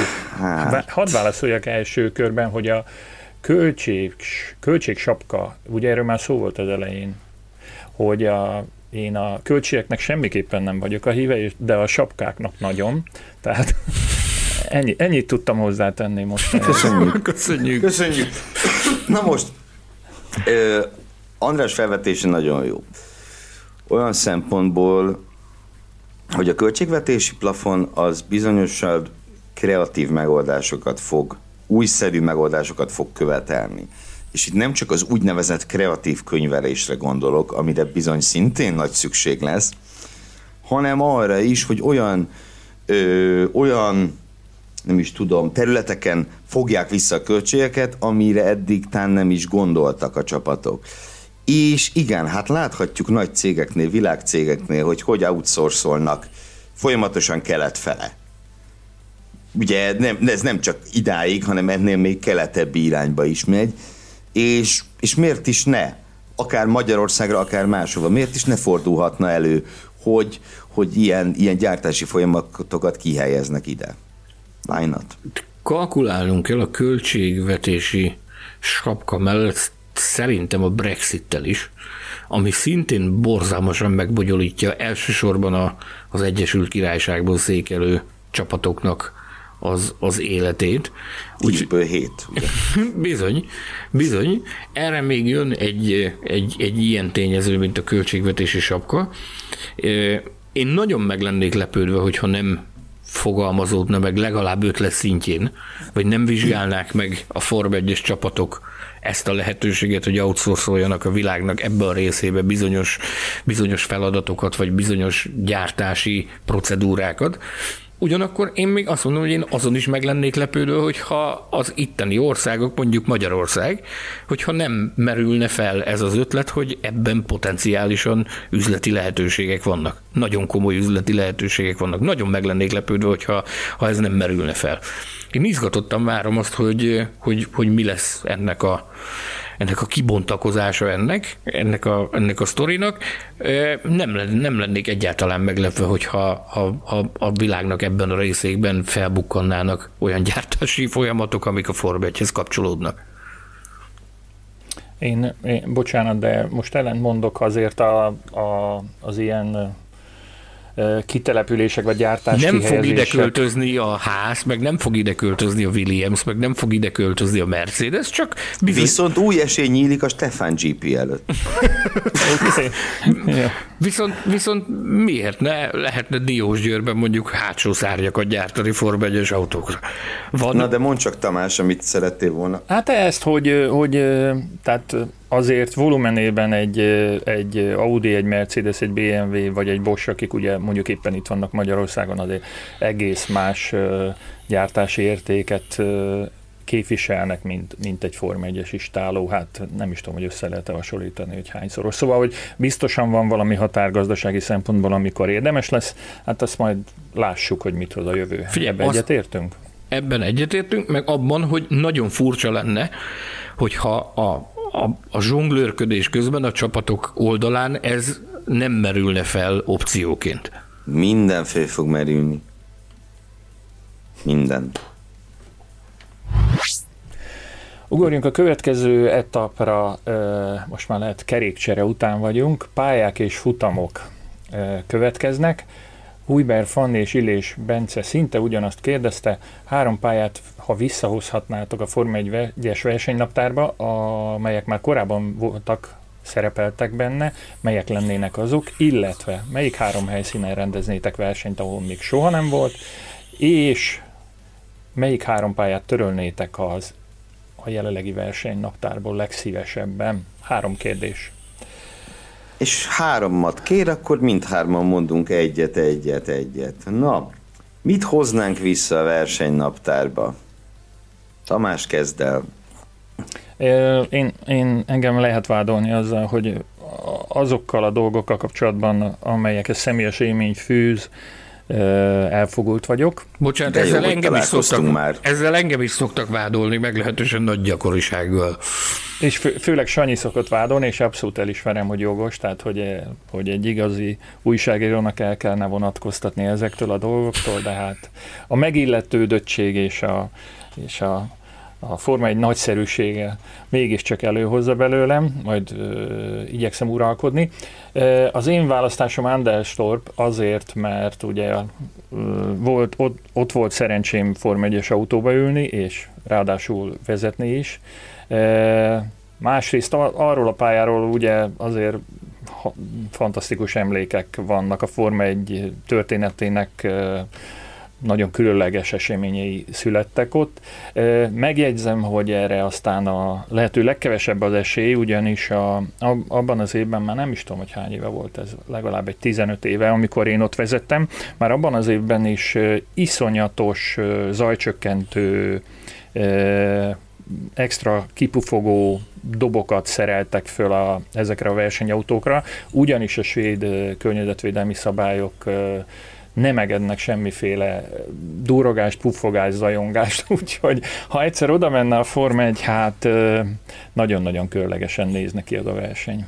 Én akkor mondok egy olyan helyszínt, ahol nincs igény zajcsökkentésre, hiszen jelenleg is nagyon hangos versenyzés zajlik ezen a pályán, ez pedig Long Beach, ugye az egyik néhai legendás amerikai helyszín, Ugye indikár futamot rendeznek ott a mai napig, számomra a szezon egyik fénypontja, nyilván csak az Indi 500 után, de egy fantasztikus versenyhelyszín, csodálatos versenyek vannak ott, a látvány óriási, és hát, és hát legendás F1-es futamokat rendeztek ott, ugye például a leghátrébbről elért F1-es győzelem 22. rajtpozícióból is Long Beach-en született, hogy más nem mondjunk, úgyhogy ez az én választásom.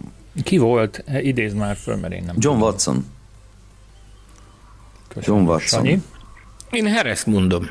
Nagyon sokat merengtem arra, hogy azon, hogy, hogy, hogy melyik pályát, pályát válasszam ebben a kategóriában. Én Hereszt mondom.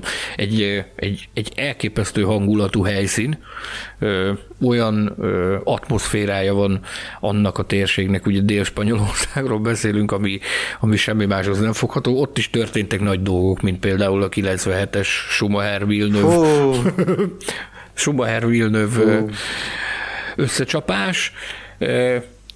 Az évnek nagy részében tényleg szenzációs a, a, az idő arra felé. Egyetlen egy hátránya van, hogy, hogy tényleg az Isten háta mögött van, mert borzalmasan messze van minden, mindentől. Emiatt azt, azt beszélik, ott a helyiekkel beszéltem, amikor arra jártam, hogy egyebek mellett ez is hozzájárult ahhoz, hogy nem tudta jobban megvetni tartósabban a, a tehát nem tudott gyökeret ereszteni a Forma 1 azért, mert nem sikerült nagy nézőszámokat produkálni, azért, mert messze van mindentől. Tehát a legközelebbi reptér ilyen, ha nem tévedek, valami 200 kilométerre van, tehát nem olyan egyszerű oda közlekedni, viszont teszt helyszínként maradt, időről időre azért mostanában már nem, de néhány évvel ezelőtt még bonyolítottak ott Forma 1 teszteket, úgyhogy én, én Heres szívesen látnám, hogyha ha valamilyen formában. Sőt, fel is merült egyébként, hogy épp idén, hogy beugró helyszínként, hogyha ha úgy alakul, hogy nagyon tavaly is hajtottak arra, hogy, hogy beugorjanak, de, de 2021-re is fenntartják maguknak a jogot arra, hogy amennyiben lehetőség kínálkozik, akkor szívesen beugranának. És simán benne van a pakliba, hogy lesz itt szükség beugrásra. Milyen hm. állapotban van Herez, azt tudjuk? Jó, kifogástalan. hogy mikor újították fel, vagy mikor építették át utoljára? 2005-ben kapott új aszfaltot, hogyha emlékeim nem csalnak. Én 2017-ben jártam ott, amikor az F2, F3-nak volt ott egy különálló fordulója. Egy csodálatos, makulátlan helyszín. Nekem, nekem nagyon tetszett. Beszéljünk Na, arról, Tamás, hogy... milyen új helyszínt hoznál? Új helyszín, igen, igen, igen, igen. Uh, ami eddig még nem volt. Most uh, hát itt vessetek rám köveket. Az első követ Sanyi vetheti rá. Mária hogy, Pócs. Hát, nem, nem, nem, nem, nem. De egyébként aránylag közel jár. Szóval ne, ezt közösen találtuk ki, el kell, hogy, hogy ismerjem, hogy hogy felvetődött Bruno, ugye, amely szinte egyidős, azt hiszem egy évvel korábban épült, mint a Hungaroring, és hát a magyar szurkolók szerintem örömükbe ugrálnának, hogyha kiderülne, hogy egy ilyen közeli Budapesttől néhány órára található versenypályán rendeznének egy Forma 1-es futamot. Mondjuk a Brunoi pálya az aztán valóban felújításra szorul, és akkor még miközben beszéltetek, még eszembe jutott egy, egy olyan versenyhelyszín, ami, ami még nem volt, és nem tudom, hogy, hogy, hogy valaha lehet-e, autóversenyt ugye már rendeztek, ez az a klasszikus helyszín, ahol Fancsót elrabolták, és akkor már mindenki tudja, hogy Kubáról beszélek. Szóval hmm. ott a tengerparti sétányon, vagy nem, nem tudom, tehát annak az országnak olyan hangulata van, és olyan sokat jelentene neki egy, egy látogatás a Szágódó cirkusznak, mondjuk ha ha majd egy másik útra lép, a fejlődés egy másik útjára, hogy, hogy, hogy mindenképpen teli találat lenne. És ti? Izgalmasan hangzik. Brnóhoz annyit tennék hozzá, egyébként fiatalabb egy évvel a Hungaroringnél, és ő az egyik kedvenc városom, tehát versenypályán a versenypályán túl maga a város is egy szenzáció. Imádom. Na, Sanyi? Itt a mi esetünkben, hogyha nem tévedek, akkor itt közfelkiáltás van, nem? Mondjuk ki egyszerre. Alapvetően igen, de én majd mondok másikat. Oké, okay. én, én, én Laguna Szekát választottam, és amikor, amikor felmerült uh, itt az adás előtt, hogy beszélgettünk, akkor, akkor nagyon nagy volt. Egyszerre üvöltöttük Így van, így van, így van. Uh, csodálatos helyszín. Én nagyon szeretnék. Láttam alkalmam nyílt, Youtube-on fent is van Mark Zsenének egy, egy Form 1 autóval futott köre, egy Form 1 Ferrari-val futott köre Laguna Szekában. Hát én nekem, nekem nagyon régi nagy kedvencem. Klasszikus indikár futamoknak a, az otthona, nagyon nagy múltú versenypálya, és jó lenne ott egyszer Form 1 futamot látni. Alternatívként mondom hajdunálást. Hát ha. Nagyon helyes, nagyon helyes. Hogy hazabeszéljek egy picit ha már itt Sanyi, vagy hát ugye elvitte Laguna Szekát, egy tized másodperccel előttem mondta ki a felvétel előtt. Én egy másik amerikai helyszínt mondok, és akkor így Long Beach, Laguna Seca, mellé még behoznám a Road Amerikát, ami ugye szintén Forma egy nem volt ott, indikárfutamok, tengeren túli endurance versenyek állandó helyszíne, és szerintem egy hihetetlen, fantasztikus pálya. Egyszer megnézném, milyen lenne. Na de, mit dobunk ki, Tamás? Vérző szívvel. Igen, vérző szívvel, de, de, de mégis hát én kötelezek minden kollégát, hogy mondjon egy helyszínt, én Bakut választottam azért, mert, mert a, a vélekedés az, hogy a nézők nagy többsége számára nem tartogat túl sok izgalmat ez a, ez a pálya. Most ebből a szempontból nézem, és akkor... Ezek a nézők az... részegek lehetnek. Fantasztikusan izgalmas pálya. Igen, egy bizonyos mélységébe le kell süllyedni, vagy fel kell emelkedni egy bizonyos magasságba, hogy, hogy lássuk azt, amit, amit amit nem mindenki lát, hogy, hogy milyen stratégiák és harcok és, és háttér küzdelmek zajlanak egy-egy, egy-egy Forma 1 futamon. Aki felületesen nézi, az tényleg könnyen rásütheti, hogy, hogy nem izgalmas pálya, mondjuk ezt szokták ugye mondani a Hungaroringre is, erről talán volt külön adásunk is. Azok is részegek. Azok Na. is részegek. Szóval Baku, ez a lényeg, ha egyet kell mondani. Na, akkor most én mondok, és akkor Sanyi még gondolkodhat kicsit. Az én választásom olyan szempontból érdekes, hogy én most egy olyan pályát fogok mondani, ahol még nem volt Forma 1-es nagydíjas, elsősorban nem a pálya miatt. Ez pedig Szaudarábia. én azt gondolom, és ez az egy privát véleményem, és lehet, hogy nincs igazam, ezt föntartom a jogot magamnak, hogy tévedjek, de én azt gondolom, hogy nem a legjobb ötlet az F1-nek Szaudarábiába mennie. Mind abból a szempontból, hogy azok után, és ezt azért elég sokan kiszokták emelni, hogy mennyire propagálta az F1 a, a diverzitást, az egyenjogúságot, és így tovább az elmúlt évben különösen, de hát idén is, ezzel meglehetősen ellentétes elmenni, elmenni oda, illetve hát fölmerülnek a biztonsági aggályok is, azt követően, hogy rakétatámadás érte a Formula E ottani futamát. Én őszintén szóval aggódom egy kicsit amiatt a hétvége miatt. Ne legyen igazam, mert nyilván lesz, legyen csodálatos, de ben én nyugodtabb lennék, ha ez nem lenne kizárólag izgalmak tekintetében hoztam meg a, a döntésemet. Részben a Formula Podcast Facebook csoport tagságának nyomására.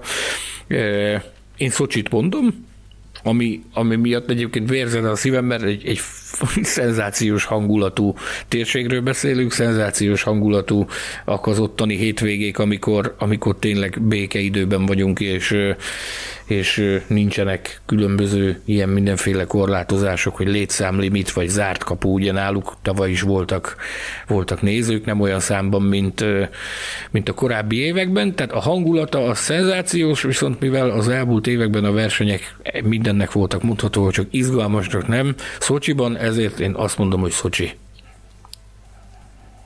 Köszönjük szépen.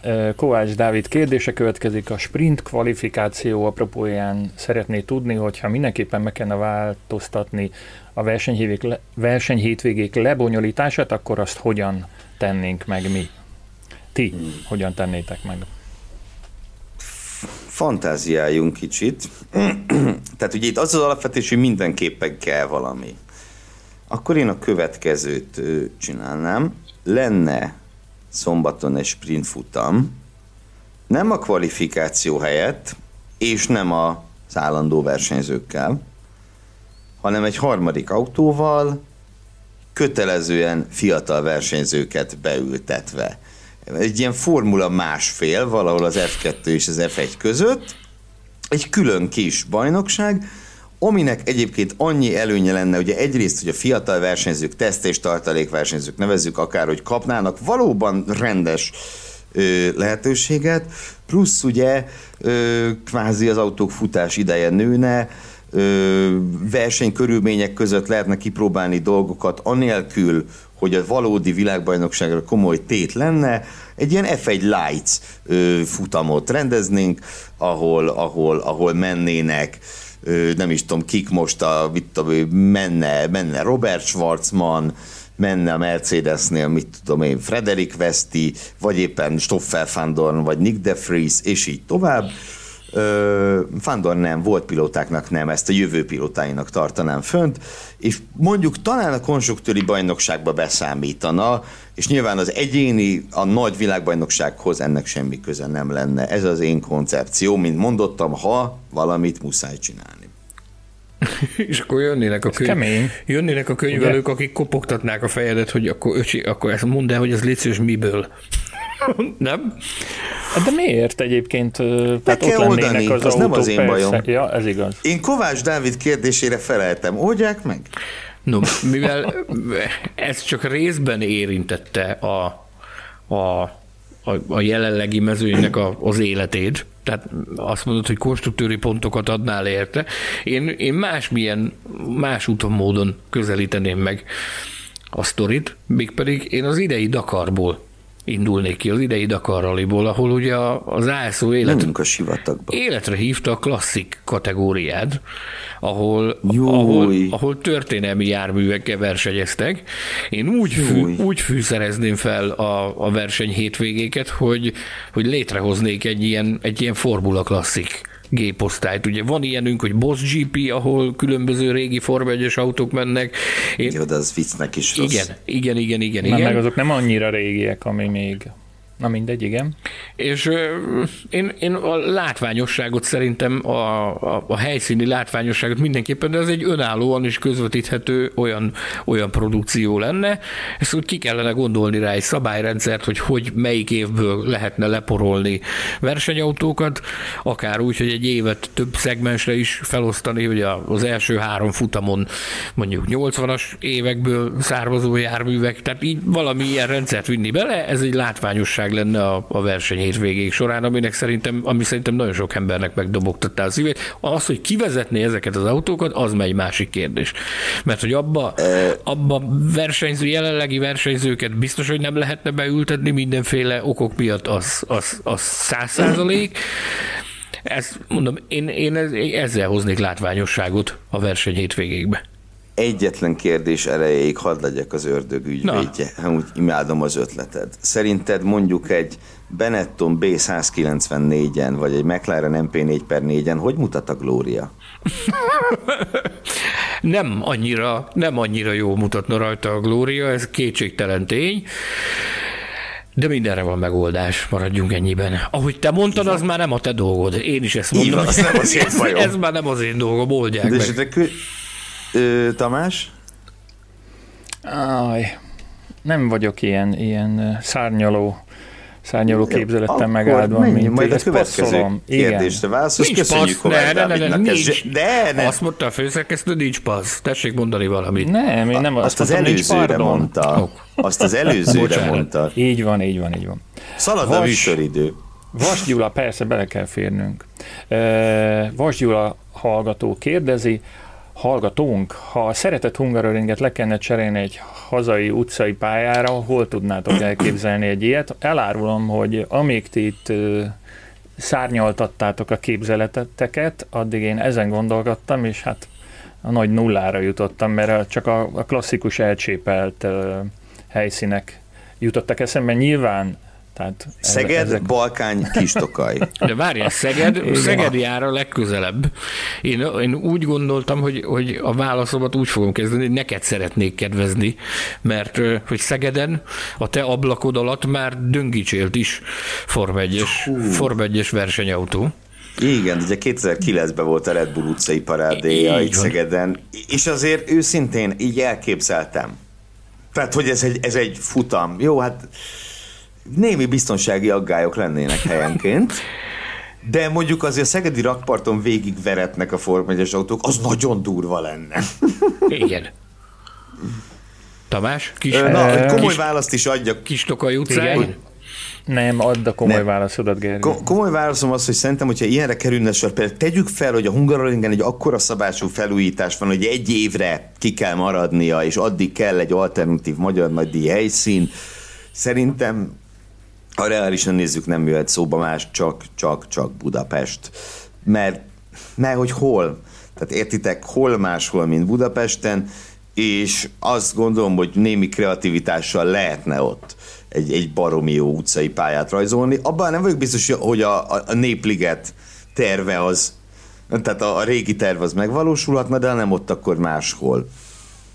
Egyszer meg is nézném. Impozáns amúgy. látvány tudja. lenne, szerintem. Az élet, az élet még hosszú, hát ha. Igen, soha hát, nem lehet tudni. Melyik verseny volt? Tehát a, a, a Nagy Futam nevű kezdeményezést már ugye valamennyien láttuk. Nem nagyon sok szurkolónak rettentően tetszik, hogy közel tudnak menni a, a, a motorsport világának legkülönbözőbb járműveihez, és, és be tudják szívni azt a benzingőzt, meg azt a füstöt, gumifüstöt, amit, amit ott tapasztaltunk, de, de én elég nagy ellenállást is szoktam tapasztalni a, a, a médián keresztül olvasom, hogy ki mindenki ellenzi azért egy ilyen volumenű lezárást Budapestnek mely része tudna elviselni, mert ugye ez csak egy nap a, a nagy futam, ha jól emlékszem. Nézd, de, én azt mondom, hogy nap... Jártunk már mindhárman Monte Carlo-ba. Ha Monte Carlo elvisel egy ilyen léptékű lezárást, én azt gondolom, akkor Budapest is, de nem akarom más bicsodájával verni a csalánt, hiszen nem vagyok budapesti. Én pusztán a kérdésre válaszoltam. Azt már legyen a budapesti gondja, nem? Azt mondják meg. Ne vicceltem. nem, hát az biztos, hogy a hősök tere, Andrási út és, Jó, és na, tehát, tehát ezek, Igen, ezek, ezek ez benne kellene, hogy látvány lenne, tehát ez biztos, hogy tátva maradna nagyon sok embernek a szája szerte a világon, hogy Budapest mi És egyébként ki tudja, talán annak nagyobb realitása is van, hogy egy Formula E-t azt meg is tudunk nézni. Az ugye ráadásul csak egy nap lezárást jelent, mert azt úgy szokták csinálni, azt reggeltől estig megoldják, és ugye arról azért van plegyka időről időre, hogy, hogy ide jönne Budapestre, a hang, zajszennyezés is jóval kisebb, mert ugye a, a trollihoz hozzá vannak szokva a budapestiek, és ez nagyon hasonló hang, szóval... És ha az oktogont kivennék valamilyen technikával, hogy ne kelljen ott kanyarogni, akkor, akkor is nem is kell ott kanyarogni, hiszen... Hát lehet menni egyenesen az Igen, oktogonon. egyenesen is, hát én mindig hogy az oktogon sikán, milyen jó hangzana, nem? Igen. Az nem, de hogy arra célzok, hogy ez volna a, Forma egy történet, történetének talán leghosszabb egyenesen, nem a, a hősök terétől a, a Deák térig, azért az, az szép távolság. Hát ez a Mistrállal betekedne, igen. Komoly de. Oké, okay, megbeszéltük tehát, hogy hol lehetne Forma 1-es futamot rendezni, a Hungaroringet valami rejtélyes bezárnák. Következik a történelmi rész, kedvencem. Burkert Rudolf szeretné tudni, hogy a top 10 F1-es pilóta adásban Schumachert tettük ugyan az első helyre, de mit gondolnánk, ki a legjobb csapatfőnök az F1 történetében? Most játszunk olyat, hogy megtippelem Sanyi válaszát. Játszhatunk ilyet? Játszunk. Sanyi azt fogja mondani, hogy Totó Wolf. Ne, azt akartam mondani, hogy jelenleg a aktívat nem lehet választani. De történelmi rovat. Ne, ne vádolj engem részrehajlással, légy oly kedves. Ne vádolj engem részrehajlással, én csak tisztelem az embernek a munkásságát, és úgy gondolom, hogy ez egy egészen kiemelkedő dolog, amit ő produkált, de akkor hallgassuk meg a Betlen Tamás féle játékszabályokat. Hogy is mondtad? Én nem tudom. Aktív, hogy? aktív csapatfőnököt nem lehet választani. Így van, így van, így van, így van. Nos. Ezt én csak úgy saját kútfőből hozzátettem, mert otthon Oké, okay, én kétféle válaszom van erre a kérdésre. Tehát ugyanúgy, ahogy a versenyzőknél, a csapatfőnököknél is nagyon nehéz összehasonlítani különböző korszakok nagy embereit. Én itt, én itt mondjuk úgy, hogy a történelmet én három szegmensre osztanám fel. Van a, van a hőskor, amikor Neubayerek, Enzo Ferrari és ilyen emberek alkottak nagyon nagy dolgokat. Van a, van a nevezzük hát hogy középkor. középkorok, amikor voltak Kentirellek, fénykorukban lévő Frank Williamsek, Ron Dennisek, Colin Chapmanek, ilyen arcok, és hát ugye van a, van a, a modern kor, vagy a nevezzük a jelenkornak, ahol, ahol vannak Briatórék, vannak Christian Hornerek, vannak Toto Wolfok, Ebből ennek a korszaknak, hogyha így korszakonként kell mondani egyet, még úgy is borzalmasan nehéz kiválasztani egy, egy-egy embert, hogy ki volt az, hogy, hogy döntöd el, hogy Frank Williams volt a jobb, vagy Ron Dennis volt a jobb? Tudsz-e dönteni, Gergő? Mert szerintem borzalmasan nehéz. Borzalmas. Borzalmasan nehéz, ettől függetlenül nekem van egy egy személyes válaszom. A, én ezt inkább úgy közelíteném meg erre a kérdésre a, a, a választ, hogy, hogy ki volt a legnagyobb hatású csapatfőnök a Forma 1 a történetében, és én azt gondolom, hogy erre, erre a legjobb válasz az, az csak is az lehet, hogy Enzo Ferrari. Igen, viszont itt annyiban hadd vitatkozzak, hogy Enzo Ferrari hatása ugye nem kizárólag mint csapat, nem a klasszikus csapatfőnök, hanem mint, ő minden mint volt, cégalapító, gyáralapító, ő minden volt egy kicsit. Úristen. Pont ezért mondom, hogy Igen. a legnagyobb hatású. Ja persze, persze, persze. Egyébként ezt csak zárójelbe edzem meg, hogy kaptunk ilyen kérdést is, hogy ki volt a tíz legnagyobb hatású ember a Forma 1 történetében, fölírtam, hogy csinálunk ilyen toplistás adást, mert az rohadt jó. Igen. Ö, jó, Enzo Ferrari, akkor, akkor, akkor én vitatkozni fogok. Na nem, mint a, nem tudok érvelni, mert ugye ahogy mondtad, hát ez nem, nem lehet, de valahogy nekem úgy, úgy zsigerből az a válasz jött el a kérdés, hogy Colin Chapman, pont, és és, és, és, és, és, és pont ezt valahogy erről meg vagyok győződve, hogy a, a, a csapatfőnök a, a, az Atya Úristen, az Colin Chapman volt. Nyilván Enzo Ferrari összességében nagyobb hatású ember, de de ugye az ő szerepét, hogy mondom, úgy összetettebbnek érzem annál, mint hogy azt mondjuk, hogy ő egy csapatfőnök, mert ő egy csapatfőnök is volt. volt, vállalat alapító volt, versenycsapat alapító volt. Nagyon furcsa úgy csapatfőnökösködni, hogy nem vagy ott a versenyeken. Igen, igen, igen. Ugye Chapman is mindez volt, alapító, meg, meg minden kutya füle, de ugye ő, talán, ő jóval szervesebben kivett, ugye még technikai zseni is Így volt, van. tehát ő, ő, ő jóval szervesebben vagy szorosabban kivette a részét a Lotus sikereiből. De hát aztán persze itt Ron Dennis lehetne mondani. Viszont, hogyha az autósport egészére nézve gyakorolt hatását nézed, az, az szerintem Ferrari. Bocsánat, hogy ezt mondom, persze. nekem, nekem, persze, nekem ez a persze. véleményem. A jelenkorból pedig én azt gondolom egyértelműen Toto Wolf, ennyi. Ebben nincs vita. Nem mondhatott Toto Wolfot. Mit is akartam még hozzátenni, hogy eh, ha mindenki mondhat egyet, én is ferrari akartam, de, de a, egy eh, top 3-ba Bruce McLaren. Nézzük meg, hogy, hogy amit ő létrehozott, az eh, az nyilván később már nem volt benne szerepe az ismert okokból, de, de még mindig hol áll, és, és, és mi, mi vár arra a csapatra éppen az idejében? Hát, viszont az kellettek páran, ugye az kellett egy Teddy Meyer, aztán egy Ron Dennis, de ugye Bruce McLaren is azt hiszem inkább a hatás az, amiről, amiről beszélhetünk. De igen, igen, igen. Említés megérdemel mindenképp. Ivkovics Péter a következő érdeklődő, ha lenne egy gyönyörű garázsotok, amelybe beállhatnátok egyetlen általatok szabadon választott Forma 1-es autóval, és annak mondom, hogy Mercedes nem lehet, az idei. Miért, az miért, elmúlt miért Mercedes-eztek engem ember? Honnan jön ez? Jó, csak egy kicsit szurkálunk. Okay, az elmúlt 70 szezon bármelyikéből, ha, látod, a hallgató is azt mondja, hogy az idei nem lehet. Az elmúlt 70 szezon bármelyikéből melyik lenne az, és melyik versenyző után? Ezt hogy kell érteni, hogy melyik versenyző hát, után? Melyik versenyzőnek az autója? Miatt. Ja, nekem erre, ez hiszem egy klasszikus rövid válaszos kérdés. Fernando Alonso 2006-os Renault-ja. Annyira gyönyörű az az autó, úristen. És hát tudjátok, Alonzót meg kedvelem úgy szólván. Én is rövid választ adok, mert közeledünk a műsoridő végéhez, ráadásul nem egyet, hanem mindjárt kettőt. Én mondanám a Villeneuve-féle 97-es Williams-t, amit már egyszer számon kértek rajtam, hogy miért éppen azt, mivel az egy, hogyha az egyel korábbi az sokkal szebb. Nekem a 97-es az, ami belopta magát a szívemben nagyon-nagyon sok dolog miatt, illetőleg mondanám a, a Hakkinen-féle 98-as MP413-as McLaren-t. Hmm. a, makettje, a makettje neki megvan. Schumacher verő autók.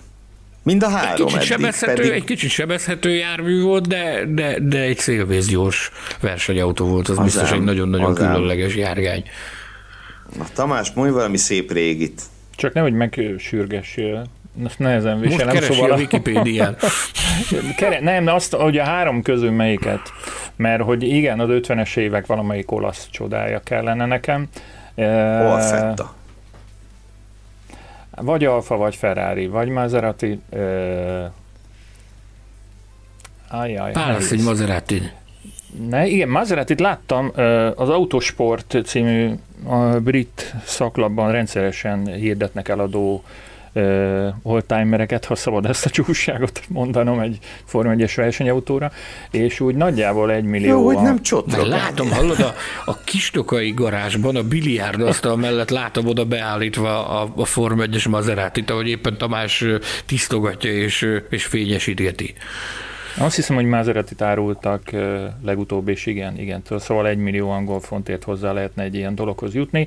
Megjegyzem, hogy az általatot kis ismert. Szóval nincs olyan messze kis Tokajtól az a hely, ahol, ahol van Forma 1-es versenyautó, ahol megtekinthető egy kiállított Forma 1-es versenyautó, ö, csapatépítőnk helyszíne volt Miskolc-Tapolcán az a, az a hotel komplexum, ahol egy, egy Williams-et lehet látni. És a Formula Podcast hallgatói már értesülhettek erről, hiszen ezt már elmesélted egyszer.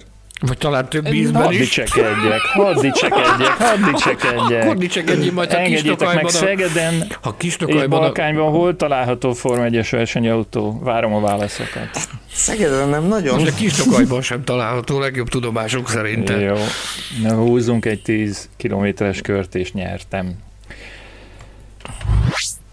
Nem kellett volna effektet nyomnom, vajon? Nem, Hogyan? de nem baj, így marad.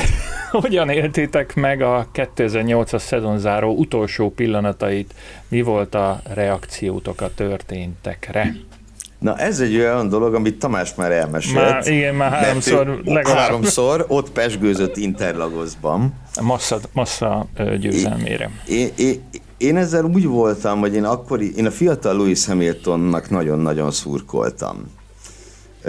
Nagyon szimpatikus volt a fiatal Louis Hamilton nekem, és iszonyúan szurkoltam neki, különösen azután a borzalmas igazságtalanság után, amit ő 2007-ben elszenvedett a sorstól, meg a boxbejárattól. Úgyhogy én, én extázisban voltam, és fölugrottam a, a fotelemből, és, és üvöltöttem örömömben, és, és minden, és egyfajta Isten igazságtételnek éreztem ezt az egy éve korábban történtek után, és viszont aztán, amikor megláttam masszát a dobogón, akkor, akkor megszakadt a szívem érte, és nagyjából azóta is így vagyok ezzel a 2008-as szezonzáróval, hogy hát ott két világbajnokot kellett volna avatni, csak hát ez sajnos nem lehetséges. Szám tátva, szemem felakadva, vérnyomásom 600.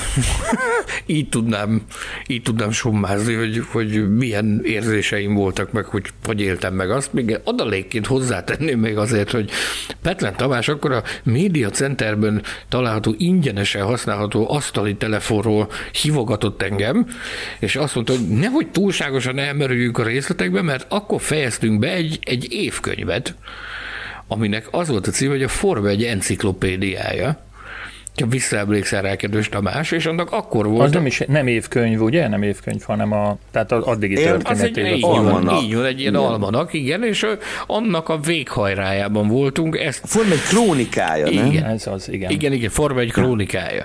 Máig elérhető a www.formula.hu webshop oldalán. Az meg volt beszélve, hogy vége a versenynek, és akkor utána készül a magazin, ezt lezárjuk a könyvet, és a, a, a Tamás az hívogatott engem, hogy te itt óriási feeling van, de te nehogy nagyon elmerüljél ám itt a dolgokba, mert hogy be kell fejezni, mert minél hamarabb, mert holnap reggelre a nyomdába kell lenni a, a kiadványnak, úgyhogy de ennek ellenére természetesen akkor sem fogadtam meg a főszerkesztői intelmeket, és mentem a saját fejem után, és próbáltam minél több információt szerezni arról, hogy mi is zajlik ott, meg, meg, meg hogy mi az utózöngéje, meg mik a reakciók azután az elképesztő szezon záró után, amit abban az évben láthattunk.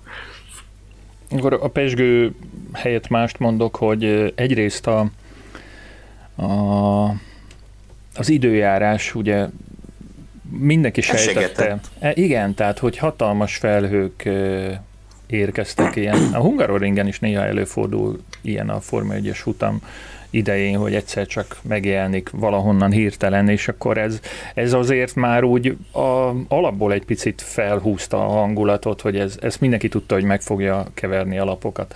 A másik dolog pedig egy olyan élmény, ami am, amit ennyi év távlatából szabad csak elmondani, hogy, hogy ugye itt nagyon szigorú szabályok vannak, hogy hova eh, mehet be az ember és hova nem. Hát eh, egy egyszerű újságíró például a, a pódium alá nem mehet oda, de Attól ott, függ, ott, ott olyan Attól függ, és mennyire egyszerű, mert ha nagyon egyszerű, mint én, akkor nem, de hogyha nem egyszerű, hanem fő kiemelt. Nemzetközileg is elismert és magasan hogyha ismered a szabályokat, hogyha ismered a szabályokat, és tudod, hogy az a kártya, amit a nyakon magasztanak, az mire való, akkor simán odamész, bemutatod, hogy jó napot kívánok, jöttem ide, és azt mondják, hogy uram, parancsoljon, oda lehet Jó, engem többszöri próbálkozásra sem engedtek be semmiféle kártyával, sem hitelkártyával, semmi, semmilyen más kártyával valamit azok az emberek, azt kell, hogy mondjam. Alá, de aztán e, e, olyan nagy volt a nyomás ott a, a kapunál, közvetlenül a,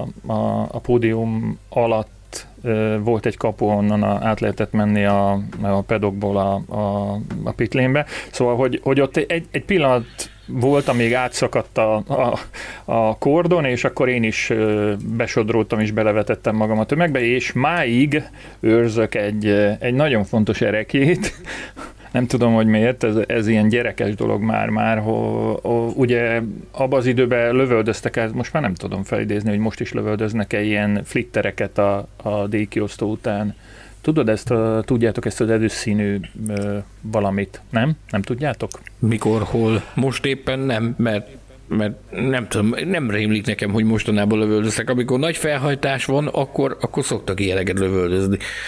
Szóval, hogy annyira úgy éreztem, hogy ott valamit meg kell ragadnom, és, és magammal hoznom, meg eltennem, meg megőriznem, hogy egyetlen egy ilyen darab flittert valahogy, vagy ez nem flitter, nem tudom milyennek a neve, ilyen alumínium vacak, ez valahogy ráragadt a ruhámra, és ezt fönt a sajtóközpontban vettem észre, és mondtam, hogy ezt hozom magammal. Szóval elképesztő volt, elképesztő. Sok, sok ilyen érdekes, különleges szezonzárót szeretnénk látni, azt hiszem valamennyien.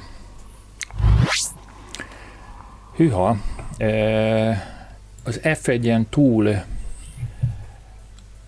olyan kérdéssor következik, mindössze kettő darab kérdéssel persze nem lesz túl hosszú, amely arra kíváncsi, például Hegedűs Csaba jó voltával, hogy nekem úgy tűnik nagyon nehézkesen sikerül beindítani a VTCR szezont. Szerintetek életképes e, ez a sorozat ebben a formában? Talán oda is jól jönne egy Gerhard Berger, nem? Hát az utolsó kérdésre válasz az, hogy de, biztosan. Most nem mit tudunk a DTM-ről? Bocsánat azért, hogyha már erre céloz a kérdező, hogy ott hogy indult be, mi volt eddig? Hát az, hogy majd beindul. Hogy a szezonnyitó mindenképpen ko- korábban lesz, mint a VTC szezonnyitó, ezt már tudjuk.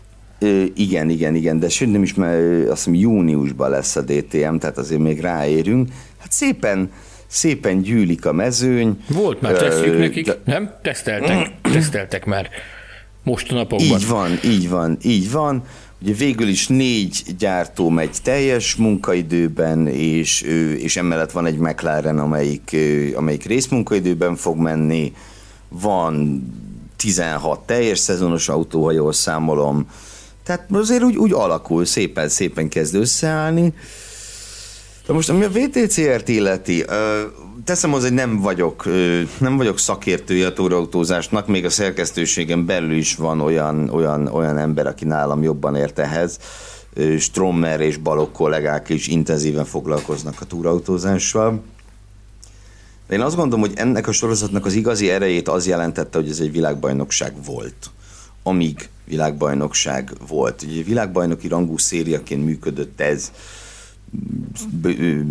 szűk másfél évtizedig, és ez egy óriási vonzerőt jelentett. Nem véletlenül jöttek a gyártók, és némelyik gyártó egész komoly effortot rakott bele. Hogy nézzük meg azt, hogy egy, egy Sebastian Loeb is karrierje után átjött túraautózni. Tehát akkor tényleg nagyon-nagyon-nagyon komoly vonzereje volt ennek a, ennek a szériának. Az első VTCR szezonok is még, még nagyon rendben voltak, a versenyzői színvonal felhozatal alapvetően nagyon magas volt, nyilván volt egy-két kutyaütő a mezőnybe, de hát hol nincsen. De igen, most valahogy döcög a szekér, azt látjuk. Én, én nagyon bízom benne, hogy, hogy ez, ez nem valami, valami nagyon rossznak a kezdete, hm, meg a TCR, mint, mint szabályrendszer, mint koncepció szerintem életképes, de, de, de azt, azt hiszem, hogy a, az, hogy eltűntek a gyári csapatok ebből, nyilván koncepcionális dolog volt, de attól még ugye eltűntek a gyári csapatok, megszűnt a világbajnoki rang, az, az, az, az nem egy, a nagy egészet nézve nem egy jó irány ennek a szériának. Nagyjából ez jutott eszembe a kérdésről. Én annyit reflektálnék, hogy tegyék rendbe sürgősen, mert egy ilyen szériára, mint a VTCR, erre nagyon nagy szükség van. Ezt szerintem az elmúlt évek megmutatták. Nagyon-nagyon szegény lenne a felhozata, vagy sokkal szegényebb lenne a felhozata, hogyha ha ez a sorozat nem lenne, úgyhogy várjuk a megoldást, meg nagyon bízunk benne, hogy, hogy sikerül sínre tenni ezt a történetet, és virulni fog a VTCR hamarosan újra. Arról nem is beszélve, ugye, hogy a magyar sportsikereket tekintve azért itt van leges legnagyobb esélyünk ismét újra. Hát magyar vadász terület, persze. Persze.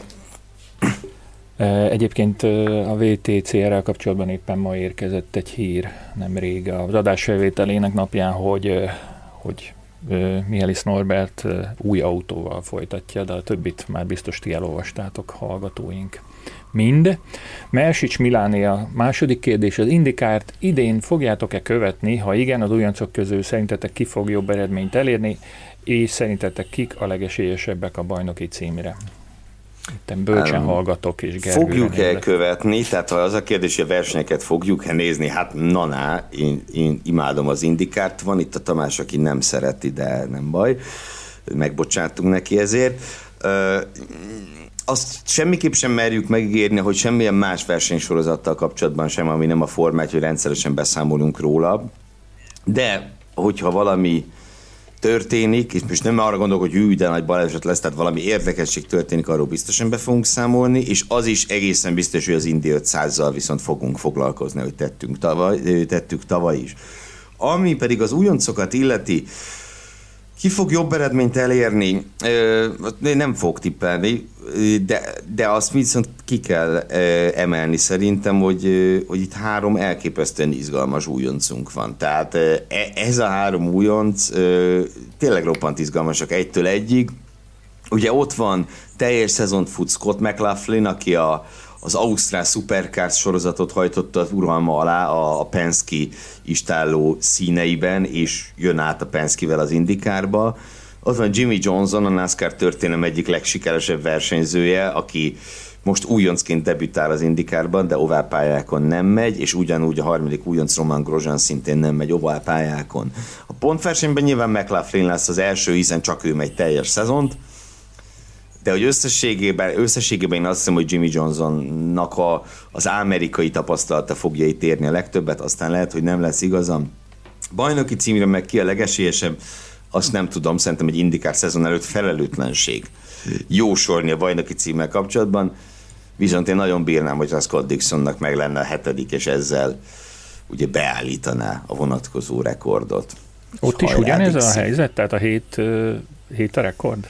Igen, sőt a NASCAR-ban is érdekes ez. Ugye Aztán. nem mindenhol, de, de jó pár helyen ez a hetes rekord. A Forma 1 ugye lehet, hogy már csak egy szűk évig. Sándor, muszáj, hogy nyilatkozz az amerikai versenysorozatról. Nézd, olyan méreható elemzést, olyan méreható elemzésben nem kívánok bocsátkozni, mint amit Gergőtől hallhattunk most. Jaj, ez nem elemzés volt. Átfogó képet, átfogó képet Szavak. adtál nekünk a, az észak-amerikai elit formautus ligáról. Nyilván, amikor a, a, a lehetőségeim engedik, én is figyelembe fogom kísérni a versenyeket. Különösképpen Grozsannak a az ottani szereplésére. Vagyok nagyon kíváncsi, ez tart engem izgalomban, hogy mire megy ott meg. Azok után a borulátó jóslatok után, amiket Gene Haas vele kapcsolatban megfogalmazott, hogy jobban járna, ha hagyná a fenébe az egészet és visszavonulna, hogy ezek után mire megy Észak-Amerikában. Amit én látok, meg hallok az ő köreiből, az az, hogy nagyon tetszik neki, a, az indikárnak a légköre, ugye túl van már néhány teszten, a, a csapattal az integrációs folyamatnak a, a kellős közepén jár, és hát régen láttam olyan mosolyt a Grozsan arcán, mint amilyet a, az utóbbi időben látok közösségi médiás és egyéb, egyéb fotókon, úgyhogy én, én bízom abban, hogy, hogy meg fogja állni a helyét. Majd meglátjuk, hogy mit tartogat számára, vagy, vagy, vagy Jimmy Johnson számára. Ez is egy őrületesen izgalmas sztori. Ahogy, ahogy mondtad, Gergő, egy Jimmy Johnson-t látni, a NASCAR királyát látni a, az indikárban. Hihetetlen, nagyon-nagyon jó szezon lesz az indikárban szerintem. Következzenek a műsor legvégén az utolsó blogban a személyeskedések, Gergő ezt a nagyszerű jelzőt adta ennek a kérdéscsoportnak. Lórán Péter szeretné tudni, hogy amikor nem a helyszínen vagytok, milyen közvetítést néztek, és tudtak-e igazán nyugodtan figyelni egy futamra, élvezni azt, mint egy átlagos szurkoló, vagy inkább munkával telik a verseny számotokra? Um, milyen közvetítés? Én, én a magyar közvetítést nézem, amikor, amikor Magyarországon tartózkodom, hogyha nem, nagy ritkán, nyilván ez nem a pandémia idején, akkor, akkor meg amit, amit találok. Tehát ugye akkor azt nézi az ember, amit tud. Ö, tudok igazán nyugodtan figyelni? Most már igen. Ugye voltak azok a nagyon szép évek, amíg főállásban a Formula.hu-nál dolgoztam, csodálatos időszak volt az életemben, de annak az időszaknak volt egyetlen egy nagyon-nagyon szomorú része, még pedig az, hogy, ugye, hogy akkor ott futam összefoglalót kellett írni, meg élőközvetítést kellett írni, meg ilyenek, akkor azért nem úgy élvezi az ember a versenyt, mint, mint, mint amúgy. Tehát így azért azt mondom, hogy a verseny nem telik munkával, azt én végig élvezem, viszont gyakran, tehát a leintés pillanatában elkezdek jegyzetelni a másnapi futam összefoglaló podcasthez, elkezdem terrorizálni annyit messengeren, hogy ki legyen a hétvége embere, izé, ilyenekkel, de magát a versenyt azt megpróbálom végigélvezni, rendszerint nem egyedül, nagyon gyakran édesapámmal nézem, ha nem, akkor, akkor szeretett sógorommal, olykor, vagy, vagy barátokkal, hát így. De leintik a versenyt, akkor, akkor jön az úgynevezett munka része. Nekem dolgozási van szigorúan, hogy milyen közvetítés nézek. Én a, azt a feedet nézem, amit a fomtól kapok. Fegyesben a, a magyar közvetítéssel, meg egyszerre több komputer is van egyébként, meg a televízió, tehát több csatornán jön a kép, meg a hang éppen, mikor mit tud az ember, ugye folyamatosan vadászunk az információt, nézzük a Twittert, nézzük a timingot, hallgatjuk a, a csapatrádiós forgalmazásokat, amiket, amiket megkapunk. Ugyanakkor én, én próbálok kommunikálni a helyszínen, adott esetben a garázsokban, vagy néha még, néha még talán ennyi kulisszatitkot elárulhatunk, hogy néha még a pitvarról is kapunk információt. Úgyhogy ezeket mindet kézbe tartani, mind, mindenről jegyzetet készíteni, meg egy átfogó képet kapni, hát az nem egy egyszerű történet, tehát máshogy élvezzük.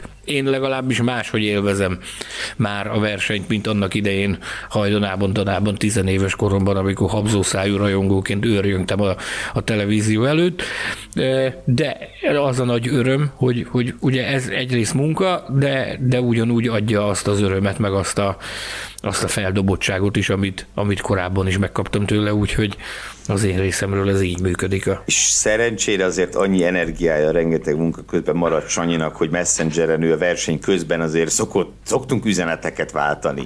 Rendszerint egy szavas, rövid és lényegvető üzeneteket, például Atya Úristen is hasonlók.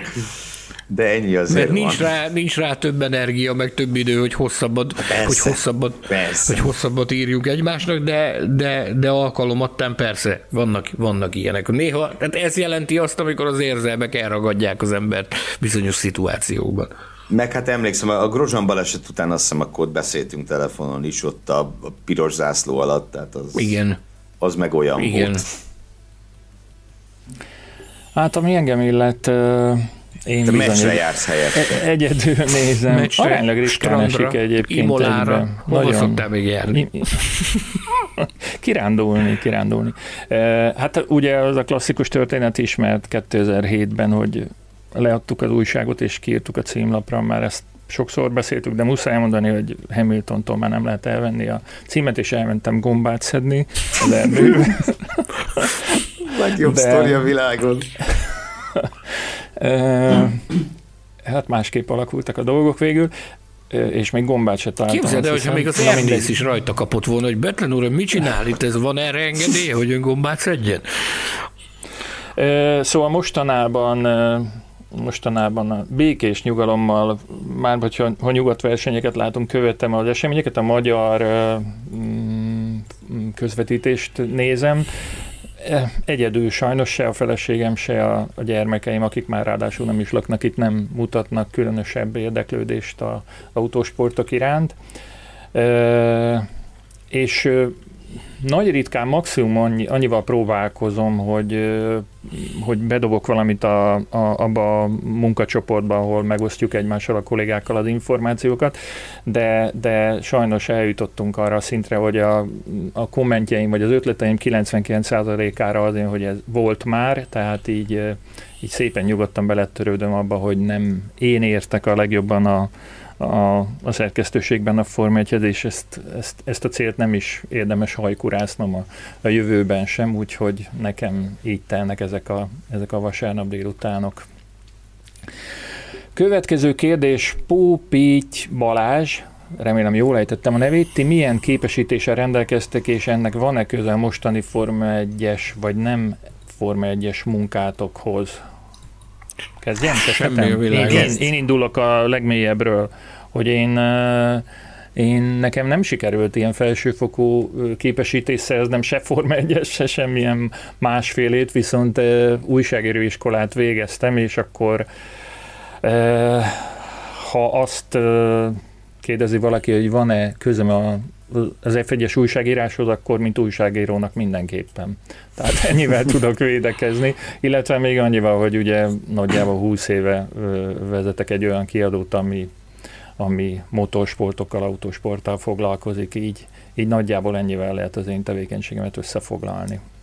Egyébként megjegyzem, hogy a, bocsánat, hogy a, a Ugye már lehet, hogy erről is beszéltünk, hogy a motorsportos, autosportos ö, újságíráshoz és egyáltalán az újságíráshoz nem feltétlenül kell senkinek elvégezni egy újságíróiskolát.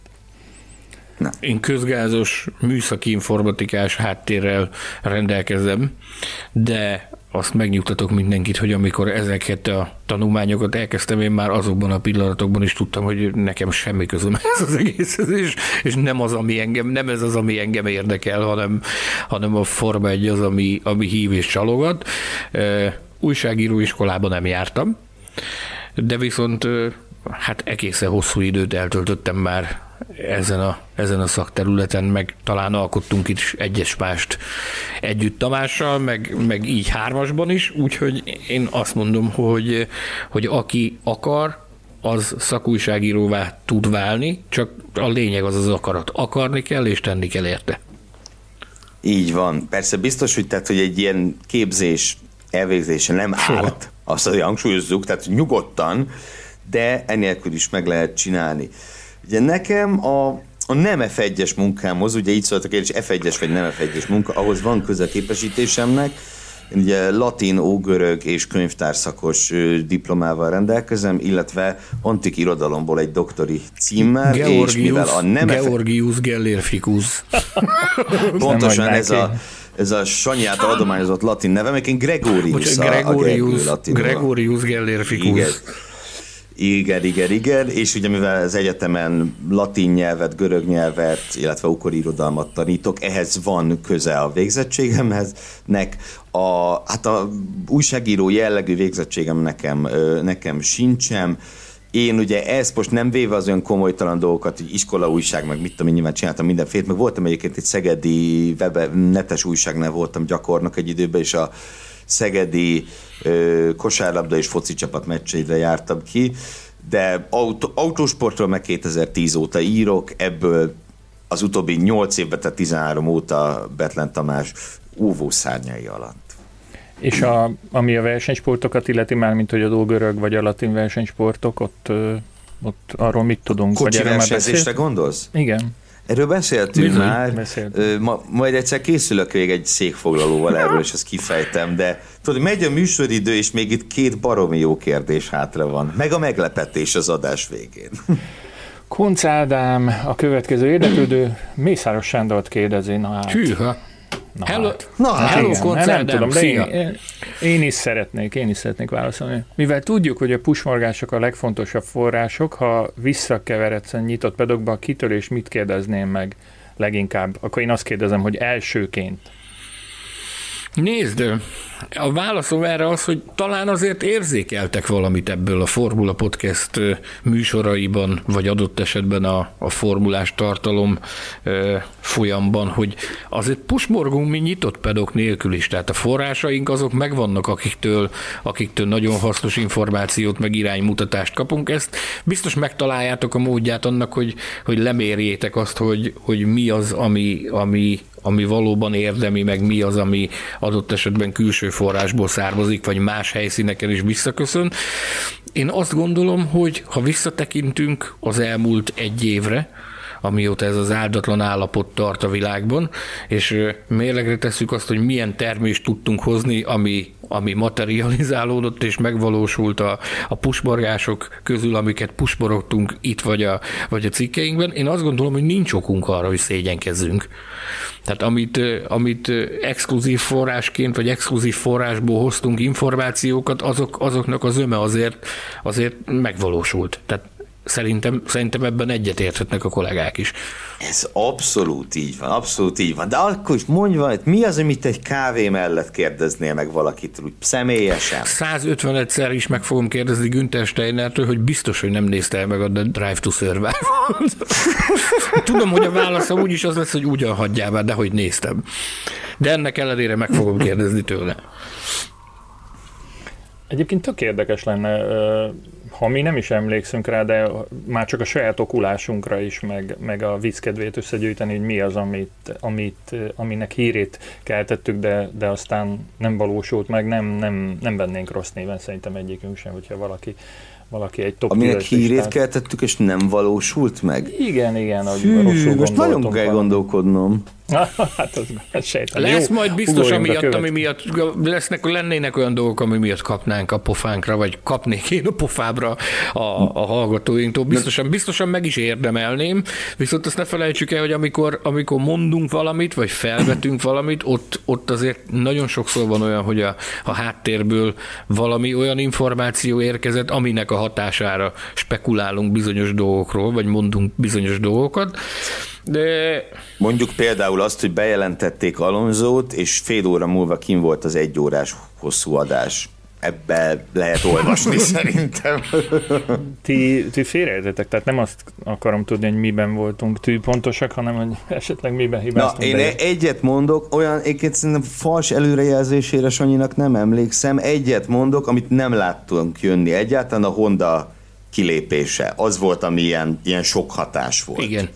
Attól dobtuk a láncot, az de nem csak mi, attól, jól őrzött attól titok mindenki volt. dobta a láncot, mert az olyan hirtelen, hirtelen történt az a, az, a, az a láncreakció, ami akkor ott lement, hogy megvolt az igazgatósági ülés Tokióban, és utána gyakorlatilag tüneményes gyorsasággal. Nem csak nekünk, bemondták a fakoffot, Igen, nem, csak, nem csak nekünk maradt tátva a szánk, hanem a, a Red Bull felső vezetésben is volt néhány ember, akinek tátva maradt a szája és nekik rosszabb volt. Kunci Lajos ismét egy ismerős név. Legenda. Hát, Legenda az ember. Igen, egy olyan kérdést tett föl, amit egyrészt felolvasni is nagyon veszélyes, mert az adásidő ugye a végéhez közölik. Másrészt, hogyha válaszolnánk rá mind a hárman, akkor, akkor egy külön adást kéne nyitni, de azért próbálkozunk. Szeretném, ha eljátszanánk a fantáziánkkal, jó lenne, ha elképzelnétek a saját autósportos karriereteket, és elmesélnétek milyennek gondoljátok, mint a fiatal gyerekek lennétek, akiknek megadatik a lehetőség, mely irányba indulnátok, hol lenne, melyik bajnokságban, szériában a karrieretek csúcsa, és mikor, hogyan vonulnátok vissza, elképesztő fantázia karrier ennek a játéknak a neve, és nem feltétlenül Forma 1 szinten kell csak gondolkodni. Na, aggódtál, hogy mi lesz, ha válaszolunk, úgyhogy nagyon röviden fogok önmérsékletet tanúsítva és példát mutatva barátaimnak. Nekem a karrier modellem ebből a szempontból, hogy hol versenyzek, más szempontból nem, az Jackie X lenne. Forma egy, amíg ott van rám igény, aztán ha nincs, akkor Le Mans és Dakar. Ez, ez, ez, ez, és pont. És, és azt hiszem, most tényleg fantáziálunk, és azt hiszem ovál pályára nem mennék, ahhoz tökösebbnek kell lenni. én, én, ezt a, a Jacques X-es pálya modellel egyetértek, kivált kép, hogy nekem a tereprali a szívem csücske. Én ezt megfűszerezném még egy kis ovállal is. Én azért, én azért, én azért megkóstolnám. Jártam már egy, egy gumigyártónak a, az ilyen ovál, egy gumigyártónak a fejlesztési telepén voltunk egy, egy ovál pályán, és egy Porsche Panamérával vittek egy ilyen döntött oválon, és hát meglehetősen impresszív érzés, érzés volt ott, hát nagy tempóval csapatni, úgyhogy én, én lehet, hogy, lehet, hogy azt is megkóstolnám. Ennyi. Mondjuk még annyit hadd tegyek hozzá, hogy én biztos, hogy egy állat vagyok, tehát bemondom, hogy F1 Le Mans Dakar, és nem Fernando Alonso jut eszembe, hanem Jackie X. Na jó. Ennyi. Tamás, te hol versenyezni? Én, én nyíregyenesen a csapatvezető állás, állás, tehát én rögtön ott kezdenénk. Nem, egyszerűen, ahogy már ezerszer mondtam, rosszul vagyok a benzingőztől, a, a gumifüsttől. E. Hát, hát azok a Formula is füstölnek, füstölnek. Túl magas lenne a Formula, e, Formula is autóhoz a tabás. Képzeld el, hogy a válláig érne a, a, a, a monokoknak, a kokpitnek az oldala. De azért jó, mert azok alacsony autók, és akkor ő így ellát az előtte lévő fölött is. Igen. Na ezt majd kitalálom viszont, hogy melyik, melyik csapatvezető. De hát erről is már beszéltünk ebbe az adásban, úgyhogy majd visszahallgatom, hogy mit mondtam egy órával ezelőtt. Oké. Okay.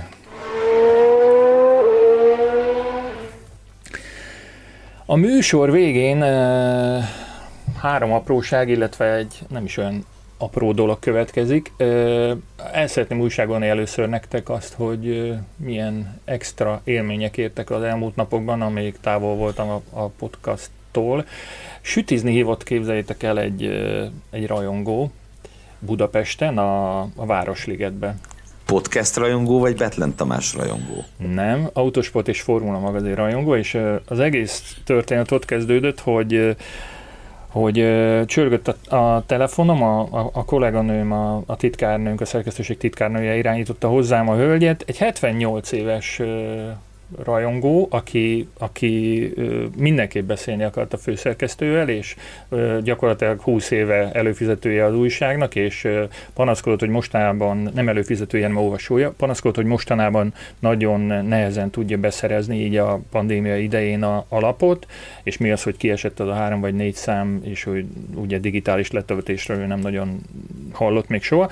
Szóval, hogy, hogy ő előfizetne 20 év után, és segítettünk neki, hogy hogy tudja ezt megtenni, annélkül persze, hogy utalna meg, hogy, hogy x-elgetne a, a weboldalon, Szóval összejött neki, és akkor annyira boldog volt, amikor megérkezett a, az első szám, hogy, hogy mondta, hogy ő mindenképp találkozni akar. ennek meg...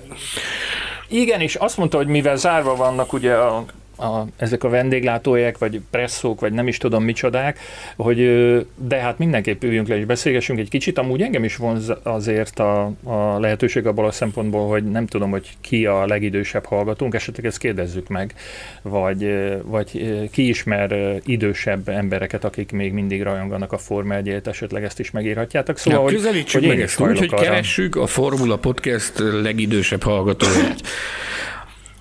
Már a legfiatalabbat megtaláltuk, ugye Sanyi egyszer beszámolt el arról, hogy egy ötnapos csöpség igen. már a Formula Podcastet hallgatta. Igen, igen, de a kaptam, ilyen, megvan. kaptam erről videófelvételt. Tamás, neked meg annyit, hogy egyrészt ez egy nagyobb bájos történet, és nagyon jó egészséget kívánunk a hölgynek, de azért azt elmondanám neked, hogy a karácsony szilveszter körül, amikor meghirdettük azt az akciót, hogy házhoz lehet rendelni Betlen Tamást, azt mi viccnek szántuk. Van, aki komolyan vette ezek szerint.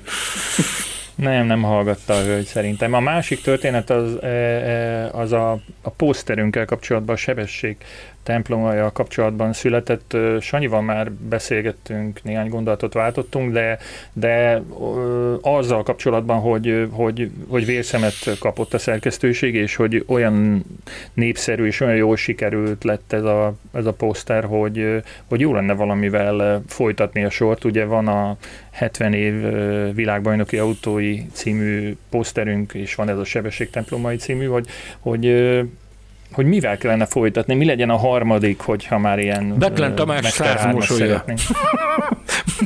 Betlen Tamás szóval, hogy nem, nem nagyon van ötletünk, mert Sanyi, te mit is vetettél fel, és én mit vetettem el, hogy, vagy nem, nem, nem gondolom, hogy, hogy ugye olyat kellene kitalálni, ami sok mindenkit Nézd, érdekel. Tamás, én azt mondom, nekem egyébként van remek ötletem, majd az adás után megosztom veled, de én hadd mondjam azt, hogy talán kérdezzük meg a szeretett hallgatóinkat. Tegyenek a ki javaslatot, milyen posztereket néznének szívesen. A formula pl- poszter vagy plakát kollekció legújabb darabjaként milyen témát dolgozzunk fel, mit szeretnétek.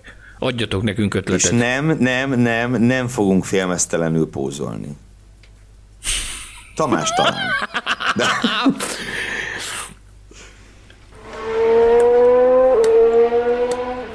És végül, de abszolút nem utolsó sorban jöjjön, aminek jönnie kell, ahogy a műsor elején említettük adásunk felvételének napján ünnepeljük a költészet másnapját, ezt, ezt nagyon ügyesen kitalálta Sanyi, és, és és nem ezzel összecsengve, de teljesen véletlenül érkezett hozzánk egy, egy hallgatótól egy olyan költemény, aminek az olvasása kapcsán nem tudtuk megállni, hogy hogy ezt oda ne adjuk egy, egy megfelelő embernek, aki nálunk nagyobb átéléssel és szakértelemmel olvassa föl. Hallgassátok meg Gyurica Ferenc művét a kistokai illetőségű művésznő Kucskár Kamilla előadásában. Elkezdődött hát a szezon, már senki sem morog. A mezőny fele viszont még mindig forog. Mazepin hozza azt, amit vártunk tőle eddig. Csak a pénzet kell. Kérdés, hogy meddig? Raktátok volna az alfába inkább a kis sumit, kedves Binottó. Talán a formátok idén nem lesz olyan megosztó. Alonso nyomja, sisak védi a haját, egy szendvicses zacskó jól ellátta a baját. Szia, Szeb! Tudjuk, hogy nagyon akarsz a régi lenni, de ez a kocsi már nem piros, nem kell hátul menni. Jött a kis japán előzött szépen, magassága miatt nem látszik a csoportképen. Úristen, megelőztem Fernándót az előbb tényleg. Olyan kicsi vagyok, hogy nem mutatja a mérleg. Bottász 5.0 is itt van új sisakban belünk. Még egy ilyen szaunás részt rólad le nem nyelünk. A fia megint csak kiröhögtetni tudja magát. Miért kell verseny közben változtatni szabályt? Nem gond, Mézi, megszoktuk már tőletek ezeket. Kedves szálló, nem a telefonra, az asztalra a kezeket. Betlen Tamás szerint fogy az időnk, elég véges. Ha nem adsz eleget Gergő és Sanyi, attól lesz majd mérges. Reméljük izgalmas lesz a szezon, erre várunk rég. Ebből a Forma 1 kell rengeteg majd még.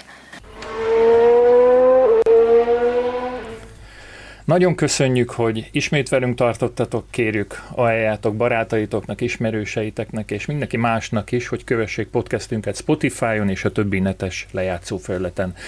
Csatlakozzatok a Formula Podcast Facebook csoportjához, kérdezzetek tőlünk ott vagy e-mailben, a címünk podcastkukacformula.hu, ha pedig bárhol szóba kerülünk, ne mulasszátok el használni a Formula Hu podcast hashtaget. És még egy dolgot nem mulasszatok el, nagyon-nagyon szurkolni Mészáros Sanyinak, aki, hogyha az égiek is úgy akarják, akkor az ezen a héten érkező második adásunkra már Imolából vagy annak közvetlen közeléből fog bejelentkezni.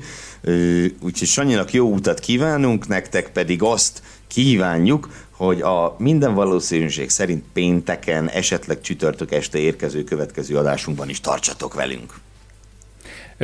Imolával kapcsolatban azért muszáj megjegyeznem, hogy én már bejelentkeztem vasárnap Imolából, aki a részletekre kíváncsi, az, az szintén a Formula Podcast Facebook csoportján keresgéljen. Ezzel hívott az öreg Ezen túl... Hajder, képzeld el. Följött, csörög a telefonot, tartsad, ez teljesen szokatlan időpont, mit akar ez a jó ebben vasárnap? És fölveszem, és akkor azt mondja, hogy haló, itt Imola. én már Imolából jelentkezem, de nem onnan, ahová te igyekszel, hanem ez egy másik Imola. Ja, mondom, a Borsod megyében is van egy Imola. Az öreg, az öreg szívta a véremet. Beelőztelek, de hát eh, szerintem egy egészséges rivalizálás az, az nagyon jót tesz egy műsornak, különösen majd, hogyha gokártba ülünk. Jó, akkor azt a tanácsot engedjétek még meg, hogy eh, felolvassam, elmondjam nektek, hogy olvassátok a formula.hu-t úgy, ahogy szoktátok. Rettentő nagy eh, letöltési számunk volt egyébként ebben a a, a márciusi hónapban. Lapozgassátok magazinunkat, friss újságunk éppen most készül, nézzétek tévéműsorainkat, keressétek könyveinket és posztereinket a webáruházban, de ami mindig is fontosabb mindezeknél, szeressétek az autósportot. Munkatársaim, barátaim, szerkesztő kollégáim Gelérfi Gergő és Mészáros Sándor, valamint Hilbert Péter főtechnikus. Kiemelt főtechnikus. Ez, ez nem igaz, hallod? Ez zsinórban hanyadik alkalom volt, amikor nem akar ez megragadni. Kiemelt főtechnikus.